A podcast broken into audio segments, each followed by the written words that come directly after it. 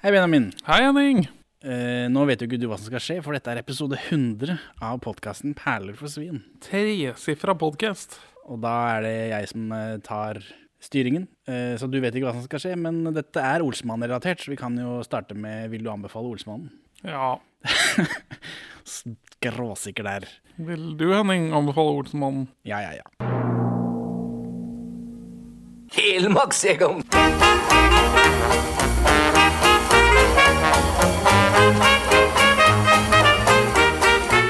Perla for svin.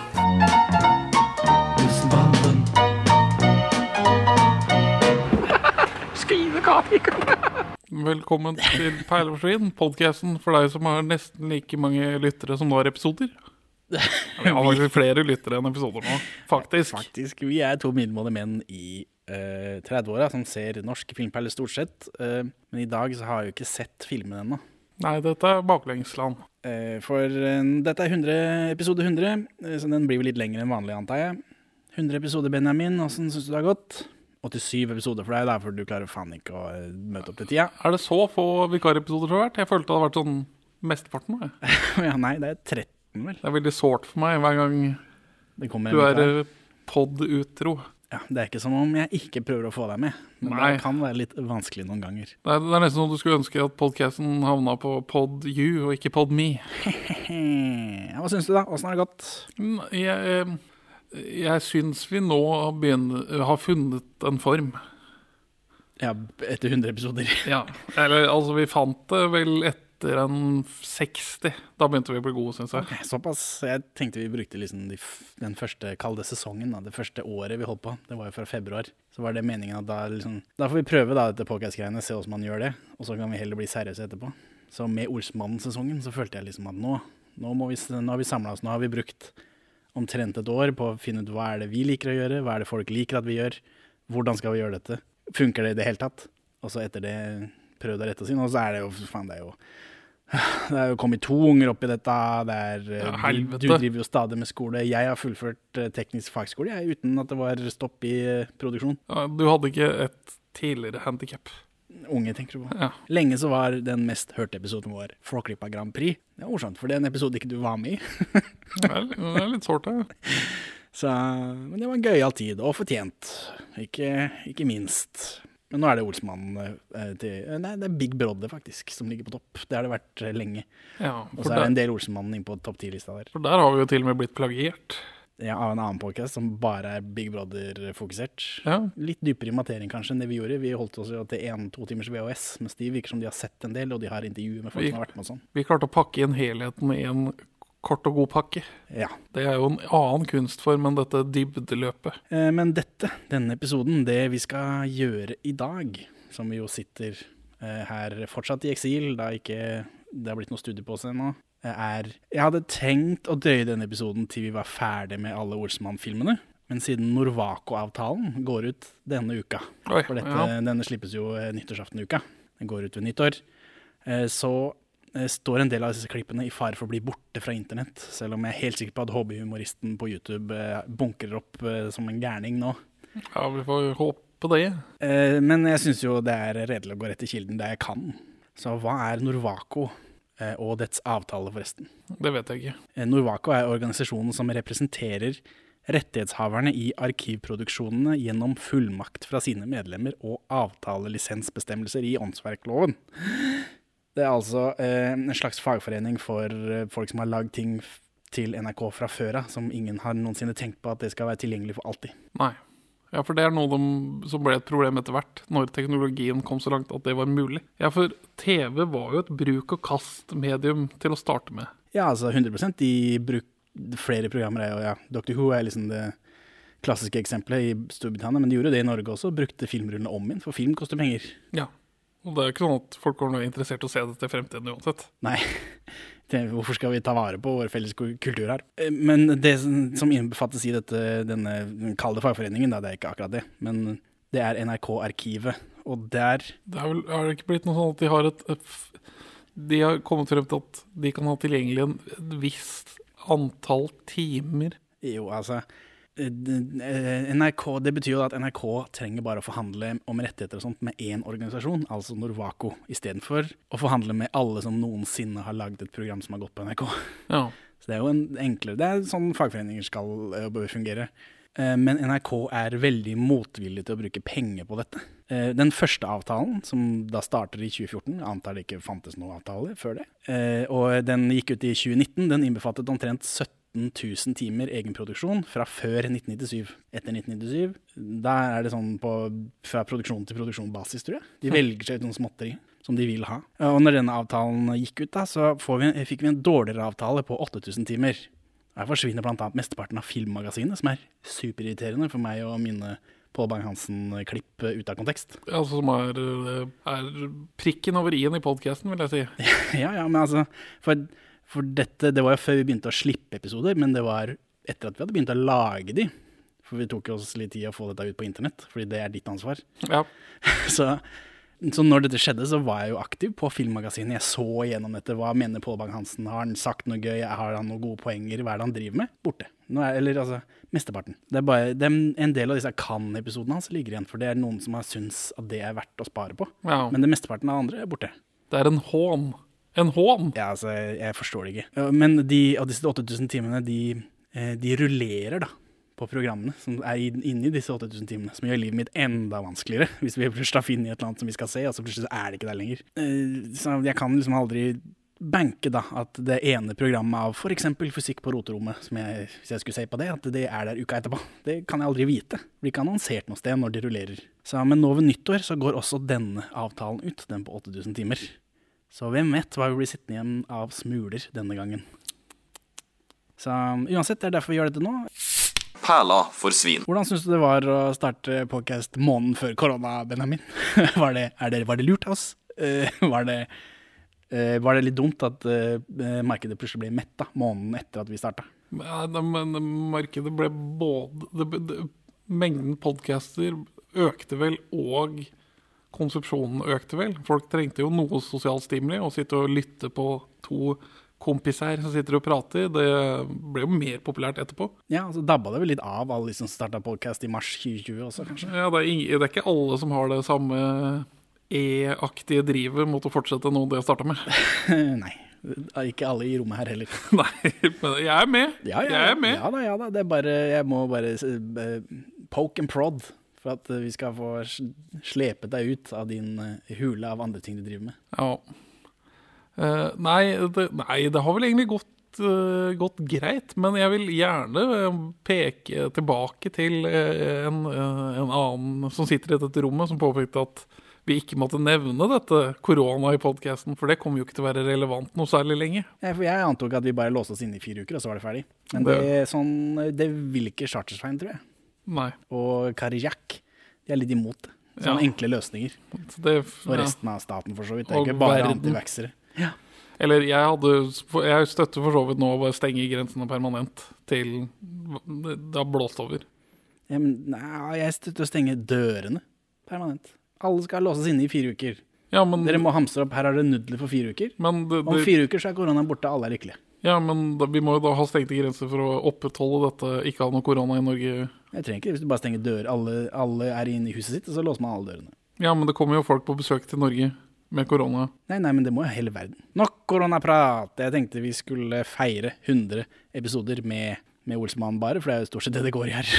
Ja, nå begynner jeg å gjette hva det er vi skal gjøre. Ja, altså, vi skal se ymse Olsmann-ting som ikke sorterer inn under spillefilm.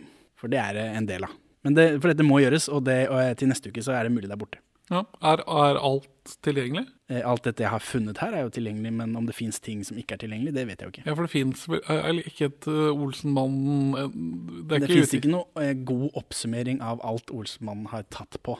Eh, og, så er det ting jeg ikke kan finne. Nei, for de dukker jo opp på tilstelninger i bankåpninger i Gudbrandsdalen. Ja, Og det er jo sikkert et medfølgende lokalnytt-klipp fra det. det er mye mulig, men det har ikke jeg funnet. Nå har ikke jeg Jeg, jeg roter ikke så mye i avisarkivet som det du gjør. Men på YouTube har jeg vært NRK-spilleren. Ikke så lett å ha med å gjøre hvis du skal finne et spesifikt klipp. Nei. YouTubes algoritme mye bedre. Ja. Så det, det går stort sett i se ting på YouTube, så spore det bakover. Hvor er det det kom fra? Hvis det går. Ja. Eh, så noe av dette, disse klippene er jo omfattet av Norwaco-avtalen, som sagt. Alt egentlig. Men jeg har ikke funnet hovedkilden til alle disse klippene. Så jeg sporer tilbake der jeg kan. Og bare så det er sagt, danske Olsmannen driver også med sånt noe. Reklamerer for ting og er med på sånne ting. Blant annet for isolasjon og for Elsparerådet, hvis du skal spare strøm. Det er jo veldig aktuelt i disse dager. Veldig i tiden. Eh, Men dette er en norsk podcast, så jeg føler egentlig ikke at det er nødvendig å gå gjennom alt det de danske driver med som ikke har noen norsk eh, korrelasjon. Så er du klar?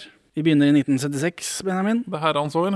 Samme året som Olsmannen ser rødt og Olsmannen får full musikk. Altså, Olsmannen ser rødt er jo den danske. Så reklamerer norske Olsmannen for Rusken i den aller første Rusken-aksjonen, eh, som er startet av Oslo kommune. Det er junkier som plukker sneiper og sånt. Nei, nei, det er noe annet. Jeg tror det er vanlige folk som plukker sneiper og sånn. Ja, for kommunen Ja, nei, Men vi får se da hva Olsenmannen mener om dette. Eh, Og de reklamerer også for Elkjøp, men eh, vi starter med Rusken, kan jeg tenke meg. Hva blei det? 7,75 i frimerker og 300 brosjyrer av rusken. Dette det skrapet her, hva skal jeg gjøre med det? Akerselva, så klart. Nei, nå, Benny. Vel beveger vi oss ikke alltid på den riktige sida av loven, men å slenge skrapet vårt i Akerselva, slik som alminnelige, bra, hederlige besteborgere gjør? Nei. Yes, denne filmen, vi går gjennom filmen, sånn som vi pleier. Ja. Egon prøver å åpne et pengeskap. Låsen har kilt seg, så de tar med hele greia hjem til Valborg. Dette virker ikke til å være Frans Jæger. Eh, nei, de sier ikke noe om det. Men ellers er stemningen Olsen-bandensk. Og det er en sånn svingdød transition da, for å komme hjem til Valborg. Det er ikke så Olsenmannsk. Nei. Det er mer sånn George Lucas. Dette er året før Star Wars, da. Så Hvem som var høna og egget, vil vi jo aldri få vite. de er misfornøyd med fangsten. Inni dette skapet så er det 7,75 i frimerker og 300 ruskenbrosjyrer. Og Benny sier at da får de hive skapet i Akerselva. Ja. Hva syns du om det? Det, det var jo sånn folk holdt på med før, da. Ja, for Egon protesterer, og, og så får vi noen bilder av Akerselva som er full av dritt. Jeg veit ikke om de har lagt ut dritt i Akerselva for å lage Rusken-reklame. Det tviler jeg på, men altså Akerselva sleit jo noe jævlig på 70-tallet. Men dette kommer jo igjen i den miljøbølgen som vi har snakket om i andre filmer vi har sett, som f.eks. Operasjon Kobra eller Operasjon Kobra den kommer om en uke eller to. eh, Kosmetikkrevolusjonen. Det Miljøet var oppe i folks Ja, men dette er jo Rusken. Det er jo for å rydde opp. Ja, ja. Eh, Men Egon har en plan. Eh, Planen er at de skal bryte seg inn på Grønmo fyllplass, for der koster det vanligvis penger, men ikke når man bryter seg inn, sier de. Ikke på natta. De skal stjele og kaste på riktig sted. Og banden glepper skapet på foten til Egon, som er ille vondt. Det er ille vondt, ja. Det er nok ikke et ekte pengeskap, heldigvis, for Arve Oppsal. Og da er det plutselig en vaktmann der som arresterer Egon. Han får 60 dager i fengsel. Det er ikke så veldig ordsmannen å få denne konkrete dommen opplest. Nei. Men uh, Valborg leser fra en av Rusken-brosjyrene at man kan levere et kolli gratis på Grønmo fyllplass. Så det er litt sånn humor, ironi, at han ble satt inn for noe han egentlig kunne gjort gratis. Og Egon blir kjørt til Botsen, så da får vi liksom reverse Botsen-shot. Egon inn i Botsen. Og Valborg kaller Benny og Kjell for dustemikler, og de ser rett i kamera før den ordsmannen med tekstsangen kommer. Oi, oi, oi. Og så kommer logoen da, til Rusken-aksjonen. Og, og informasjon om at Plukk opp brosjyren på vei ut av salen. Ja, for dette er jo en kinoreklame. Dette er jo, eh, dette er jo et enormt budsjett. Ja. Gjør som Egon, tenk før du kaster. Ikke gjør som Egon. Jo, gjør som Egon, tenk før du kaster. Tenk før du kaster. Ja, for han eh, tenkte jo at eh, jeg må hive det på, ikke i Akerselva. Eh, og gjør som Egon, er, er ikke det reklame forteller meg? Han kommer i fengsel. Ja. Så sånn er det. Og så er det ruskenbrosjyre i kinoen, ja. Det stemmer. Hele greia er 2 minutter og 24 sekunder og fins på Filmarkivet. Så hva syns du om denne filmen? Det er jo noen søt og liten en. Altså, den Egon sin tale om motivasjonen sin for å ikke ville bare kaste det i Akerselva, den er litt laber. Ja, det er jo forced. Og så er det vel strengt tatt Alnaelva som er nærmest å dumpe dem for de. Så hvorfor ikke la det gå utover Alna? Ja, Liksom? det, det var det, da. Men da er det neste film. Det er Elkjøp. Reklame for Elkjøp. Ei, ei, ei. ei. Er du klar? Når starta Elkjøp i Norge i det hele tatt? Elkjøp startet i 1962. Ja. Så vi er jo gode 14 år inn da i Elkjøps eh, karriere. Dustemikler! Ja, det har jeg glemt å gjøre før vi starter. Det er så varmt her, Benjamin, så jeg må uh, lette litt på antrekket. Oi, oi, oi, oi, oi. Olsenmann-T-skjorte og greier. Eh, men Olsenmannen er liksom kule. Eh, For dette er tegninger, i det minste. Og de er liksom fly. Egon Olsen driver og eh, Hva heter det når man får penger til å fly sånn? Make it rain. Make it rain. Ja. Han er, sitter i en mislykket skvott. Skvotting. Kjell åpner skjorta, det er party. Gøy. Gøy for meg. Da er det Elkjøp, Benjamin. Er du klar? Det er Vi må altså ha et nytt skap. Nytt skap? Skap? Vi sprengte jo et i går, jo. Ikke pengeskap, kjøleskap. Ja, men det fikser vi. Hos Elkjøp. Det var Elkjøp, Benjamin. Olsmannen er på kjøkkenet til Valborg. Hun trenger et nytt skap. Ikke pengeskap, men kjøleskap. Ja. Det er humor. Dette er en mye dårligere kopi enn sist, men det blir jo igjen kinoreklame, da. For det gikk vel ikke noe TV-reklame i Norge på dette tidspunktet? Nei, det gjorde ikke. Dette er kinoreklame. Hvis ikke noen kjøpte reklame, norske reklamespotter på Sky Channel. Den er ravna fra Facebook, men fra Elkjøp, da. Ja, Det viser det seg at det het Elkjøp-senteret. Akkurat denne Elkjøp-butikken, i hvert fall. Ja, for banden bryter seg da inn hos Elkjøp på Elkjøpsenteret. Men Elkjøp har så gode priser og godt utvalg at eh, det nesten ikke er noe vits å bry seg inn. Eh, Og jeg ser at en AEG-vaskemaskin koster 3600 kroner. Og i dag så koster de mellom 5000 og 12 000. Så det var jo dyrt før, da. Det er jo 50 år siden dette. Kjell drar i en snor, og så kommer lyset på. Og da får vi et veldig hektisk Olsemann-musikkøyeblikk mens de leter etter lysbryteren, tror jeg. Der er kjøleskapene. Nei, nei, nei, det, det var de som ville sjekke ut alle varene. Var det det det var? Jeg trodde de lette etter lysbryteren, for de finner så finner Kjell Her er kjøleskapet, og så skrur av lysbryteren, og da slutter den der hektiske musikken. Så kommer politiet, og så Men da tar de seg en pause, for å, nå er de inne i en TV-skjerm. Ja, men det er før det, da. Før det, da.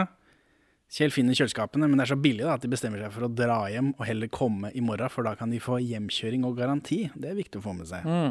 Og så kommer politiet. Lyset går, og så bytter de plutselig plass, da, fordi Benny står i midten, men så går lyset, og så går lyset plutselig på igjen, og da står Benny på sida, og så er Egon i midten. De er inne i en sånn rute, det ser ut som en TV-skjerm, men jeg tror det er omrissa av Elkjøp-logoen. Ja, den gamle Elkjøp-logoen. Det tror jeg det, det er korrekt fra hva jeg husker fra denne filmen vi akkurat så. ja. Så gå til Elkjøp, først som sist, men innenfor åpningstiden. Og hele sulamitten er 1 minutt og 13 sekunder lang. Dette er litt mer vondt å se på igjen. Det er mer det. For nå, nå føles de mer ut som uh, horemarionetter. Ja, altså, det, det er jo Det Valborg-greiene er jo veldig forced. Og Setupen er forced. alt de sier er forced. Ja. De snakker så skryter så mye av prisene på Elkjøp, og dette er innbruddspriser, bla, bla, bla, bla, bla. Alt, alt føles bare trist. Men så må jeg huske på at denne her reklamen samtykker de i hvert fall til å være med i. Åssen da, tenkte du på? Nei, senere så bruker man jo Grand Moff Tarkin, ja, det der- der, ja. Jeg vet ikke om det blir involvert i dag eller ikke. Om det blir Alt med gamle Olsenmann er med, Ja. som jeg har klart å finne. da. Men at Olsemannen bryter seg inn et sted hvor prisene er så lave at de ikke trenger å bryte seg inn, det føler jeg er olsemannsk. ja, Det kunne jeg liksom vært med på. men at gjennomføringen blir dårlig igjen, da. Jo, jo, men det, det er jo det er 1 minutt og 30 sekunder, ja. Et, så langt det, det lar seg gjøre, så burde vi vel kanskje lenke til alle disse i eh, episodebeskrivelsen. Du har, du har jo alle lenkene i et Ja, dokument. ja, ja, altså det er ikke bare, umulig. bare legg det dokumentet i mappa, så skal jeg fikse det. liksom. Gå til Elkjøp! Like godt eh, først som sist. Men kom i forretningstiden. I 1977, samme år som Olsemannen og Dynamitt-Harry på sporet, og den danske Olsemannen Deruda, tar Olsemannen kinokassa på Porsgrunn kino. For du fant vel ut at Olsemannen, at det var Olsemannen ball på Ja. Pors Porsgrunn kino 7. januar 1977 eller noe sånt nå. Ja, Gjorde du ikke det? jo. Da var det, men, og man måtte kle seg fint, og Ja, middag for- og dans og Ja, men det er noe Olsemannen-business på Porsgrunn kino. Ja. Den er, denne ligger på YouTube bare, jeg fant den ikke noe annet sted. Så det beklager jeg til, eh, til hvem det er som eier rettighetene til den. Jo, de som, eh, de som har lagd filmen, det står på slutten eh, av filmen, så er det en liten sånn rulletekst eh, inni filmen. Eh, de virker å leve ennå, de har klart å finne, men de, jeg får ikke noe svar av de på Facebook. Men de er elskede og hedrede menn av Porsgrunns filmmiljø. Mm, OK. Så vet du det, at det er laget av folk som bryr seg om eh, lokalmiljø og film. Ja. Er du klar? Vel, jeg vet ikke. Og her må det vel være plenty med penger. Var, Benny, var. Det er noen som har vært før oss. Vi må se om vi kan finne et annet sted. Naturligvis! Kinoen! Ja, ja, men der må det være mye penger nå. Der, ja. Selvfølgelig kinoen. Jeg har vondt i hodet, Henning. Det var, det var veldig mye for meg. Det var det mye for deg. Dette er jo en science fiction-film, i motsetning til de fleste Ja, en Porsgrunn-basert Bing og Bringsværd-forfattet Olsenbanden reklamefilm, men bare som en sånn ekstra liten gave til Porsgrunns kinopublikummet. Ja, Den er ikke forfattet av Bing og Bingsvei, bare så det Nei, er nei, sagt. Så vidt jeg vet. Så vidt jeg vet. Men den Påvirket av, kanskje. K- Kanskje du får litt sånn følelsen. Fabelprosabanden. Ja. Men, men, men hva sier danskene til dette? Og hva sier eh, Jeg vet ikke. jeg vet ikke, altså, Så vidt jeg har forstått, er avtalen med, liksom, mellom Norge og Danmark at eh, For de danske filmene er jo populære i Tyskland, og de er liksom eksportert. Norske er også populære i Tyskland? Nei, det tror jeg ikke noe på. Jo, Jeg har sett flere bevis på det. det. Det virker som at i Tyskland så er de så glad i Olsenbanden, den danske Olsenmannen, at for å bare få mer Olsenmannen, så ser de også de norske. Det kan hende. De er i hvert fall dubba til tysk. det er de danske tysk. som de er interessert i. Og, og så vidt jeg har forstått, så er det ikke lov for de norske å tjene penger på utsiden av Norge. Så vidt jeg har forstått. Ja, Samtidig som den første norske ble dubba til fransk og fikk fransk filmplakat og liksom Jeg vet ikke. Jeg er ikke helt sikker på detaljene. Men så lenge de holder seg innafor norske grensene, så antar jeg at det ikke er noe problem. Samtidig som jeg ikke kan tenke meg at de gidder å spørre om lov. Nei. Men dette, da. Der eh, banden går rundt i Porsgrunn med noen lange antenner. Og så stopper de ved Plenty stormarked, for der må det være plenty med penger, sier Benny. Ordspill, da. Ja. Men det er det ikke, sier Egon. Ikke nå lenger. Plenty-bygget er oppført i 1966, og huser ifølge en rapport fra Brannteknisk tilsyn i 2020 NRK i andre og tredje etasje, og parkering i kjelleren. Mens første etasje står tom. Ja. Så der er det mulighet for oss i Perleforsvin å flytte rett inn. Og så sjekker de eh, De har noen kjempesvære antenner. De har, de har noen lommeradioer, er det slik jeg tolker det, med, med veldig lang antenne. Det ser litt ut som sånne lommelykter som alle gamliser har hengende klare i sikringsskapet til når strømmen går. Skjønner du hva jeg mener? da? Ja, ja. Det er litt sånn samme greie som det, bare at med antenne. ja men dette er jo med skjerm på, da. Eller det er ikke, vi får ikke se at det er skjerm på de selve greiene, men det er innklipp av disse skjermene. Ja. For de sier da at eh, kinoen, det er jo der må det være masse penger nå. Ja, spesielt nå, av en eller annen grunn. Akkurat den biten her, utafor, før sci-fi-greiene kicker inn, det føltes naturlig Olsenmannen for meg. Ja, Stemmer det? ja det, det vil jeg si. Bare at, bare at vi er liksom in medias rest, da. At vi kommer Jo, jo. midt inn i noe greier. Men, men, men det er ikke filma på stativ. Dette er håndholdt 8 eller 16 millimeter. Ja, det kan hende. Det tenkte jeg ikke noe over. Det, dette, det, det er, dette er uh, mer dogmete Olsenbanden enn vi så langt har sett. ja. Bortsett fra all denne animasjonen og sci-fi og Ja, ja, for det er ikke noe penger på Plenty. De, de ser da på Er det- skjermene sine. Hvor er det penger hen? Og så dukker det opp kinoen. Ja, kinoen, der er det skjerm. Der er det penger, mener jeg. Men så, men så Plenty har da enten gått konk eller blitt ranet. Den, den, Ja, akkurat, fordi de sier at her er det ikke penger akkurat nå. Fordi noen andre har tatt dem. Det er mye mulig det har skjedd noe, eh, men det har ikke jeg funnet av. Eh, og Benny har ikke bart, så det blir spennende å se da, når vi ser Dynamitt-Harry på sporet. Dynamitt Olsmann og Dynamitt-Harry på sporet, om han har bart der. Eh, for, for nå Vi drar til kinoen, og så krysser de antenner. Alle tre har hver sin antenne. Ja, et eller annet, et eller annet Ghostbusters blir naturlig å tenke seg. Ja, men det er før Ghostbusters. Så klipper vi til inne i Porsgrunn kino, hvor det er et sånn 70-tallspublikum som går rundt. Og så er vi inne i billettluka, hvor Olsmannen da De har fada bort fra gata, så fader de inn der. Ja, så i, i kameraeffekt med noe sånn dobbelt eksponering. Ja, ja, altså her kommer det der Olsemann-temaet med tekst. 'Tidens menn' heter det. Ja. Så, og de gir seg ikke med den teksten, altså. Jeg skjønner det faen ikke. Og, og de fader tilbake igjen inne i billettluka der, hvor fru Lønne sitter. Og ifølge random kommentarer på Facebook, så er dette en Porsgrunn-dame som folk husker fra tida, at hun satt der og Ja, tok det- billetter. Det inntrykket får jeg også veldig av hennes måten hun er inkludert i Ja, greia på. folk kjenner fru Lønne, liksom. Ja. Eh, og hun blir sint da, fordi at hun skal bli rana, men eh, ordsmannen sci-fi fader henne bort, men det er filma som om de vil henne vondt. Og Egon minner litt om Bjørn Floberg her. Se å komme dere ut. Har ikke noe her å gjøre, dere. Men fru Lønne, da? Dere har masser av penger her. Men det skal vi nok ordne. Ja, Ja, han har en litt sånn ond utstråling. Men eh, han Det gjør ikke vondt, nei, er Kjell sier det, da, men det er liksom hele den Det gjør ikke vondt, dette her. De føles litt mer gladdrita ut enn vanlig. Det kan hende, selvfølgelig, hvordan skuespillernes edruelighet er eh, for øyeblikket, når de spiller inn denne kalde promofilmen for Porsgrunn kino. Det vet jeg ikke. Vi kan jo anta at det er litt eh, lavere prestisje enn vanlig, og de er på eh, bytur. Ja. Jeg mistenker at de er Dette er jo turneringsfolk, da. Eller altså Karsten Byring og Arve Oppsal og Sverre Holm, de er jo vant til å turnere. Ja. Så ja, det er jo fullt mulig at de er litt mer drita enn vanlig. Det, det kan hende. For Egon spiller dårligere enn vanlig etter hvert, men det kan vi komme til etterpå. Ja, det kommer vi til. Men eh, de fader bort fru Lønne, og så samler Kjell inn pengene før de fader fru Lønne tilbake.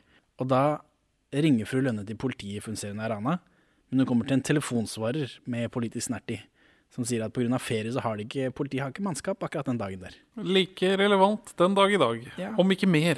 Det er ekte humor. Og så eh, rømmer banden gatelangs til de kommer til et lyskryss som man tydeligvis aldri får grønn mann i. Dette er sikkert noe fra Porsgrunn fra tida som ikke jeg klarte å finne Ja, på. et eller annet sånt lys som var litt kranglete. Det, Ja, eller at de har brukt veldig mye penger på et lyskryss eller noe sånt. nå. Jeg fant flere lyskryss de har brukt masse penger på i Porsgrunn, men ikke dette fra 70-tallet.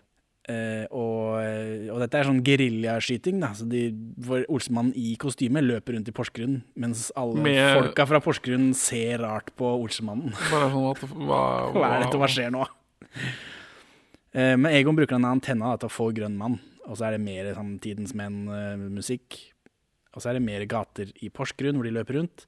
Og så eh, finner vi ut at for å rømme så må vi ha en, en rød bil. Eller vi må ha en bil. Vi tar den røde Volvoen der nede, og så antennefader de bort en rød Volvo som de stjeler. da. De fader den bort fra gata der nede.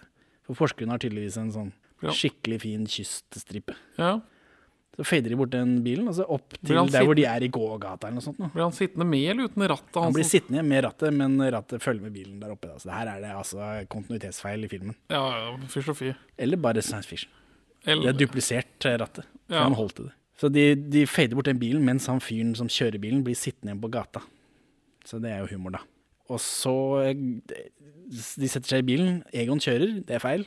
Benny kjører. Ja. Så Egon kjører, han ser rett i kamera eh, og sier at nå har de fått tak i penga, så nå kan vi slutte å følge etter dem, vi som har kamera, tydeligvis. Start hovedfilmen, den er bedre. Og så roper han hurra på Tangerudbakken-vis før de kjører av gårde og vifter med norske flagg. Nå har vi fått tak i de penga vi har vært ute etter, så nå kan dere slutte å følge etter oss. Sett i gang hovedfilmen. Den er bedre.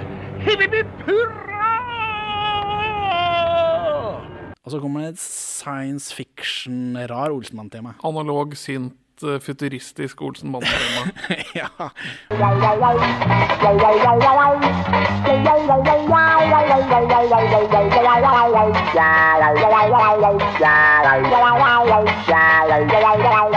Hele greiene er 3 minutter og 40, 59 sekunder. Og det er en eh, rollercoaster ride uten like for oss som nå har eh, dypdykket i Olsenmann-universet. Ja, ja, men ja. Eh, det, de prøver jo ikke å selge noe, da.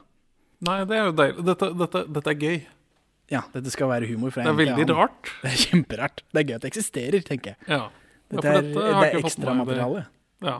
ja, dette har jeg ikke fått med i det hele tatt. Men da, ja, det, ja, nei, dette er morsom bruk av Olsmann og Kara, selv om de har drukket kanskje litt mye. I 1979, samme året som Olsemann overgir Sig aldri, altså den danske, og norske Olsemann og Dynamitt-Harry mot nye høyder, reklamerer norske Olsemann for Rusken igjen.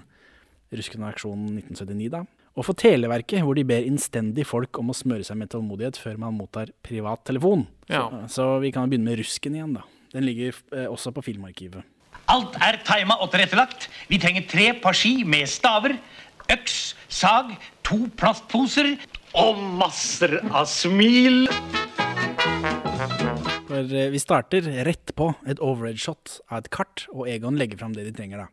Tre par ski, øks, sag, to plastposer og masser av smil, sier han på en rar måte. Da trodde jeg et øyeblikk at det var sjokoladen. Ja. Smilsjokoladen. Visste du forresten at vi har hatt smilsjokolade i Norge siden 1955? Nei. Og visste du at i starten så var bitene ovale, men fikk sirkelformelen i 1977? Visste du det? Nei.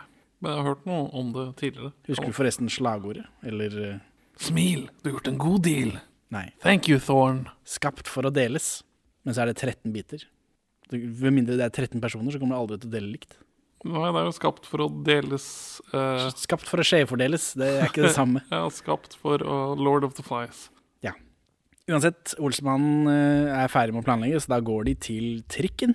Og så må de ha med seg skia der, fordi folk stjeler hva som helst. Ja, for det, det, må, det er sånn skiholdere på- utapå Holmenkollen-trikken. Jeg vet ikke, dette er jo 79, jeg levde jo ikke da.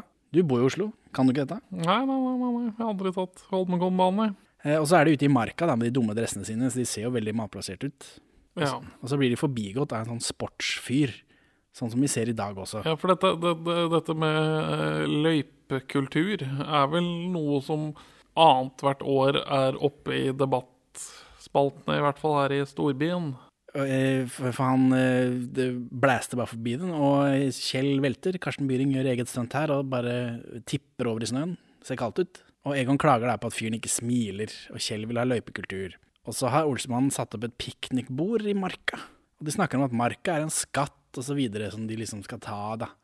Og enn så lenge så er jeg veldig forvirra. Jeg skjønner ikke hva dette er. Nei, det, dette føles veldig lite motivert ut. Ja, men det gir litt grann mening senere, da. Hvor de skal ta noen trær som er liksom skatten i marka.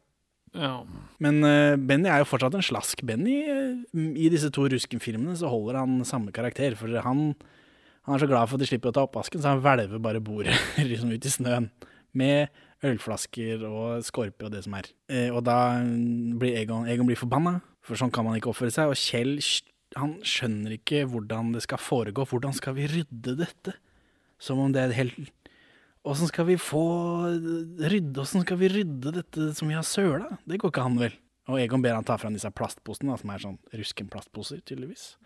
Eh, og den banden er helt sjokkert fordi de må rydde, men Egon tryller rotet opp i posen, så er dette fantasy, da. Plutselig ble det fantasy. Og så er de ute og går igjen, og på vei tilbake så kommer han der sportsfyren, som fortsatt er en dritt. Men så er det en andre folk som kommer bak, som smiler og som er hyggelige, og som Olsmann er hyggelig tilbake med. Og her kommer, nå kommer plottet, da, etter dette. ja. For når Olsmann skal stjele trær, da, eh, og Benny og Kjell de løper bort til et sånt bitte lite, bitte liten busk, eh, og så får de kjeft, da, for det er ikke lov å ta sånn småtteri, småtrær. Det er ulovlig å ødelegge småvoksen og nyplantinga, sier Egon. For Egon har kontrakt. Hva er dette for noe? Egon har kontrakt på over 100 byer i Uniten, de skal ha juletrær. Og i Uniten så er det bare det største som er godt nok. Så han velger seg et svært jævla tre langt inn i skauen der, og liksom gir ordre. Nå, Benny Kjell, vær så god, nå kan dere kappe ned det. Hvordan de har tenkt å få det med seg tilbake. Som vi vet av eh, 2021s juletre i London, så er det ikke så lett. Nei, det er flere tilfeller av dette hvor det ikke er så lett. I hvert fall når du skal hele veien over Atlanteren. Ja. Klarer ikke Nordsjøen engang. Eh, og Benny og Kjell de hadde ikke nok penger, da, så de, hadde, de har bare med seg en bitte liten øks og en bitte liten sag. Og da blir Egon uh, Han ble, åh, blir sinna. Og så Men å nei, det er vi som er idioter. Altså vi. Han pleier ikke å si vi, han pleier å kjefte på dem. Hengerumper og sosialister og alt det greiene der. Og Egon finner til slutt ut at det er ikke noe grunn til å svindle disse millioner, millioner og dra til Kanarøyene når de har marka. Nei, slutt. Marka som er skatten. Og så litt mer av pjokkene som går på ski. Jo, jo. Eh, og hele greiene er 3 minutter og 21 sekunder. Dette, nå har vi sånn, De har samtykket til å være med, i hvert fall. Men det er jo fortsatt dritt. ja, men det er gøy å se at de, at de gjør ting. Det, det er det. Ja, men Nei, det her, dette Ja, dette gir meg lite glede. Ja, men de Oslo eksisterer jo. De eksisterer kommune jo. null. Porsgrunn kinosamband én. Ja, OK, vi skal vi poenger sånn, ja. Skjønner. Ja, men altså hva som er eh, essensielt å ha med på, på Olsenmannen-bokssettet av Extras, så setter jeg Porsgrunn-greia mye høyere opp på lista enn Rusken 2. Ja, Rusken 1 var grei. Det var Bedre, i hvert fall. Ja, den er kortere, liksom mer konsist. De får ikke, det er ikke så mye roting rundt. Jeg skjønte ikke plottet til å begynne med. Jeg vet ikke, Det var kanskje meningen, men det ga meg jo ikke noe. Så er det 1979. Olsenmannen får i gåsetegn telefon, heter den filmen. Eh, Den eh, ligger på YouTube via Telemuseet. Ja. Eh, Og fun fact, den øverste kommentaren med syv upvotes er meg for syv år siden. Nei, for fem år siden. Wow.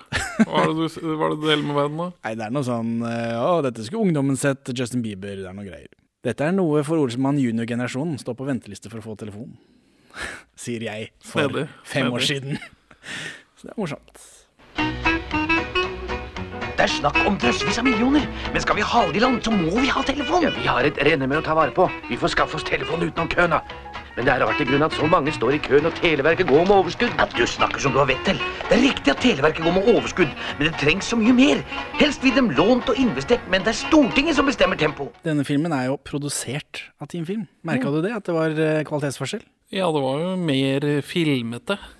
Både i utførelse og handling. Enig. Jeg syns denne filmen, enn så lenge, har høyere produksjonsverdi og liksom hever seg over de andre. Ja. Den henger mer sammen på en måte også. ja. I logisk sett nei, kanskje, men Eller de er alle svake på logikk. Ja, det er jo reklamefilmer, så det er begrensa hvor mye du liksom får pressa inn. Eh, skal vi se, den filmen her den åpner med Botsen-shot, eh, men det er veldig rotete der utafor Botsen, så det er tydelig at man ikke gidder å rydde bare for Televerket skal spille en reklame. nei. Og så er Benny Kjell der, de tar imot Egon, og Egon håper at de har fiksa en telefon, og blir veldig skuffa når de kommer drassende med en rød telefon. Og jeg tror det er en leketelefon, at det er derfor det er så fælt. Og hvis det er en leketelefon, så skjønner jeg ikke hvorfor Kjell og Benny trodde at det var en god idé. De er jo utviklingshemmede, må vel vite. Ja, i hvert fall her. Så, men Kjell har stått på venteliste i årevis. Dessuten så er den eh, leketelefonen mye billigere, da. Så venteliste for å få telefon, sånn var det i gamle der. Ja, det var jo venteliste på for å kjøpe bil Ja, det var det og også. hus og Eh, Egon har en plan selvfølgelig, og til det så trenger de telefon. Og neste scene er Olsmannen inne i et hvitt telt eh, som de går nedover gata med. Som det står Tele på, på teltet, da. Dette er ikke så veldig motivert. Eller jo, Det er for at de, skal, de må ha telefon da, for å utføre denne planen, som vi aldri får vite hva er. ja, de, de skal bryte seg gjennom kloakken og late som om de er arbeidere. Og da bruker de det teltet til å liksom dekke over det hullet. Ja, for det, jeg vil jo anta, da, for det er snakk om at de legger ned, Televerket legger ned kabler og sånt noe, eh, og at dette er noe som var kjent i bybildet på tidspunktet. Ja. Dette teltet med tele på. Eh, Men i voiceover, mens de holder på med dette, så klager Benny på at det er så mange i kø når Televerket går med overskudd. Og Egon kjefter på Benny. For Televerket vil gi telefon til alle, men det er Stortinget som bestemmer tempo. Så her eh, jeg føler direktøren for Televerkets finger i manus. ja. Jeg ser forresten at Adam og Eva Frisør eksisterer, og de åpner dørene i Oslo i 1973. For det, de er i bakgrunnen der. Eller et svært skilt egentlig i forgrunn, så det er heldig for dem da, at de fikk litt eh, gratis reklame. Og så plasserer de dette teltet over et mannlokk, da, og så krabber de nedi. Og så går de opp en trapp. Heter det mannelokk på norsk? Hva kaller du det? Kumlokk? Ja. Begge deler. Sikkert. Det bestemmer jeg nå. Manhole. Et mannehøl. De går, krabber ned et mannehull, og så går de opp en trapp plutselig, og så er de på et kontor hvor de borer seg gjennom gulvet. På Ja. litt finurlig måte. Ja, for de, de lager først et lite hull, og så tar de en paraply gjennom, sånn at det de kakker ut av eh, for å utvide hullet, det, det faller i paraplyen. Og dette, dette føles som en sånn ekte innbruddsgreie for å ikke liksom lage for mye støy. Ja. Og så klatrer de til slutt gjennom hullet, og så begynner jeg å nynne på Mission Impossible-musikken. Føles som et ekte oppfinnsomt brekk. Og det, men der nede i etasjen under her så står det et Frans Jæger pengeskap. Frans Jæger, Egon bryter opp, og inni der så er en telefon. Han tar den ut, og så sier han Tenk at det er 100 år siden de fant opp telefonen! Og Kjell sier Ja, da var det jammen på tide at vi fikk en, vi også. humor. Telefonhumor. Satire på samfunnet-greie. Og så går de stolt hjem med telefonen, men dette er ikke det vanlige hjemmet til Valborg og Kjell. Den bakgata der sånn, det er noe annet. Ok.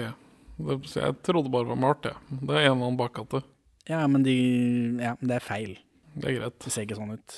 Beklager. Det er rart at ikke de kunne bare dra til samme sted som. Eh, De som bor der, er sikkert eh, bare på hytta på sommeren mens de spiller inn Olsenmannen-filmer. Jo, men det tar ikke mer enn ti minutter etter, men det, det, sånn er det nå blitt. Så, men akkurat før de skal banke på og gå inn, så kommer Ulf Wengård ut. Denne smårollefyren som er med i masse Olsmann-filmer. Så det er gøy med kontinuitet med resten av Olsmann. Ja, Eh, For han kommer ut av leiligheten til Valborg, for han har akkurat montert telefon, sier Valborg da. Så, så nå har de fått eh, Dette innbruddet var jo helt eh, De trengte ikke å gjøre det. Og da får vi noe stillshots av banden som ser rart på hverandre. Mens de reagerer. Å, men det, det fungerende grep.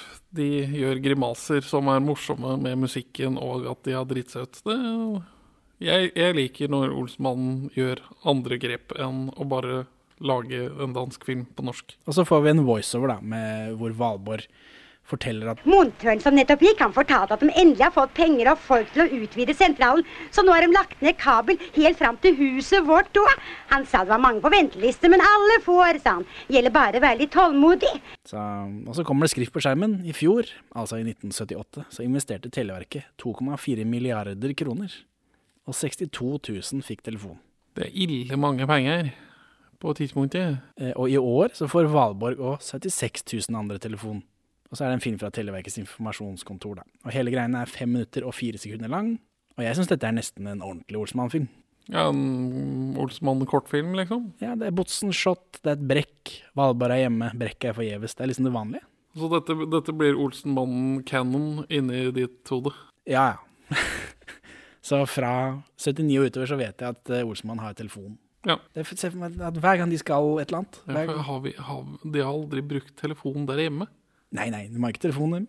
Nei, nei. Det er jo vanskelig å få tak i, tydeligvis. De er jo småborgere og ubrukelige. Telefonkiosk. Det vet vi at de har i Olsmann-universet. For ja. Hermansen blir nesten drept igjen i 1969. Første Olsmann-filmen. Grautur! I 1981 så avslutter danskene Olsmannen eh, serien sin da, med Olsmannen for eh, Olsmannens flukt over plankeverket og Olsmannen over alle bjerge. Det er to danske Olsmann-filmer det året. Alle bjerge i Danmark betyr ikke så mye, da. Eh, Mens nordmennene holder koken med Olsmann gir seg aldri. Eh, Og nå som danskene er ferdig for alltid, fram til 1998, eh, så kommer faen meg svenskene på banen med varning for Jönssonligaen. Så etter liksom Når vi har holdt på i tolv år, når Norge har holdt på i tolv år, når danskene har holdt på i 13 år, da finner danskene, svenskene for godt til å liksom være med. Så for å feire så drar eh, norske ordsmannen på restaurant i en sketsj om alkoholrestriksjoner fra NRK-serien Kom inn! utropstegn, som er ledet av Harald Tusberg. Kjenner du Harald Tusberg? Navnet ringer bjeller. Revyfyr. Han er sånn programlederfyr. For oss som Ja. eh, roter rundt i NRK-arkivet, så er han jo kjent. Eh, Men jeg føler ikke at jeg visste hvem han var i oppveksten. Jeg kjenner jo til Erik Bye og Andreas Diesen og sånt, men ikke Harald Tusberg, syns jeg. Ja, for jeg har kategorisert han på samme sted som Disen. Ja, det kan ha noe med at han fikk hjerneslag i 1996 og trakk seg fra arbeidslivet. Og nå om dagen så er det en slags maktkamp mellom hans kone og hans sønn om vergemålet hans, eh, som foregår på Facebook. Det er en Facebook-gruppe der eh, om det. Eh, men før det ble så ille, så var han programleder da, på ting som Skjemtegauken og Smil til skjulte kamera og Her er ditt liv og sånn. Eh, og kom inn, da, et av tusen lørdagsprogrammer som ikke har satt spor i folk. Eh, Og han har en cameo Olsmann og Data-Harry sprenger verdensbanken også. Så men dette ligger jo på, eh, på NRK, da, enn så lenge. Spørsmål fra sidelinjen her. Ja.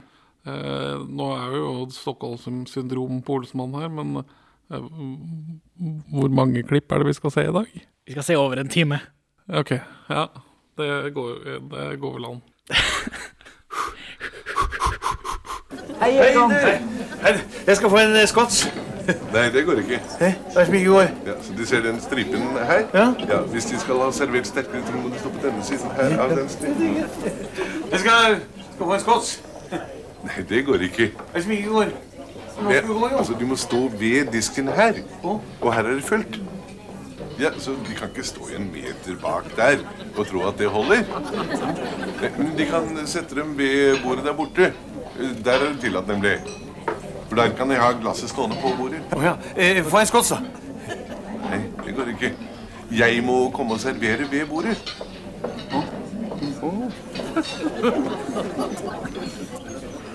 Ja, og så kan jeg sitte og prate med dem herfra, da. Det var en god idé.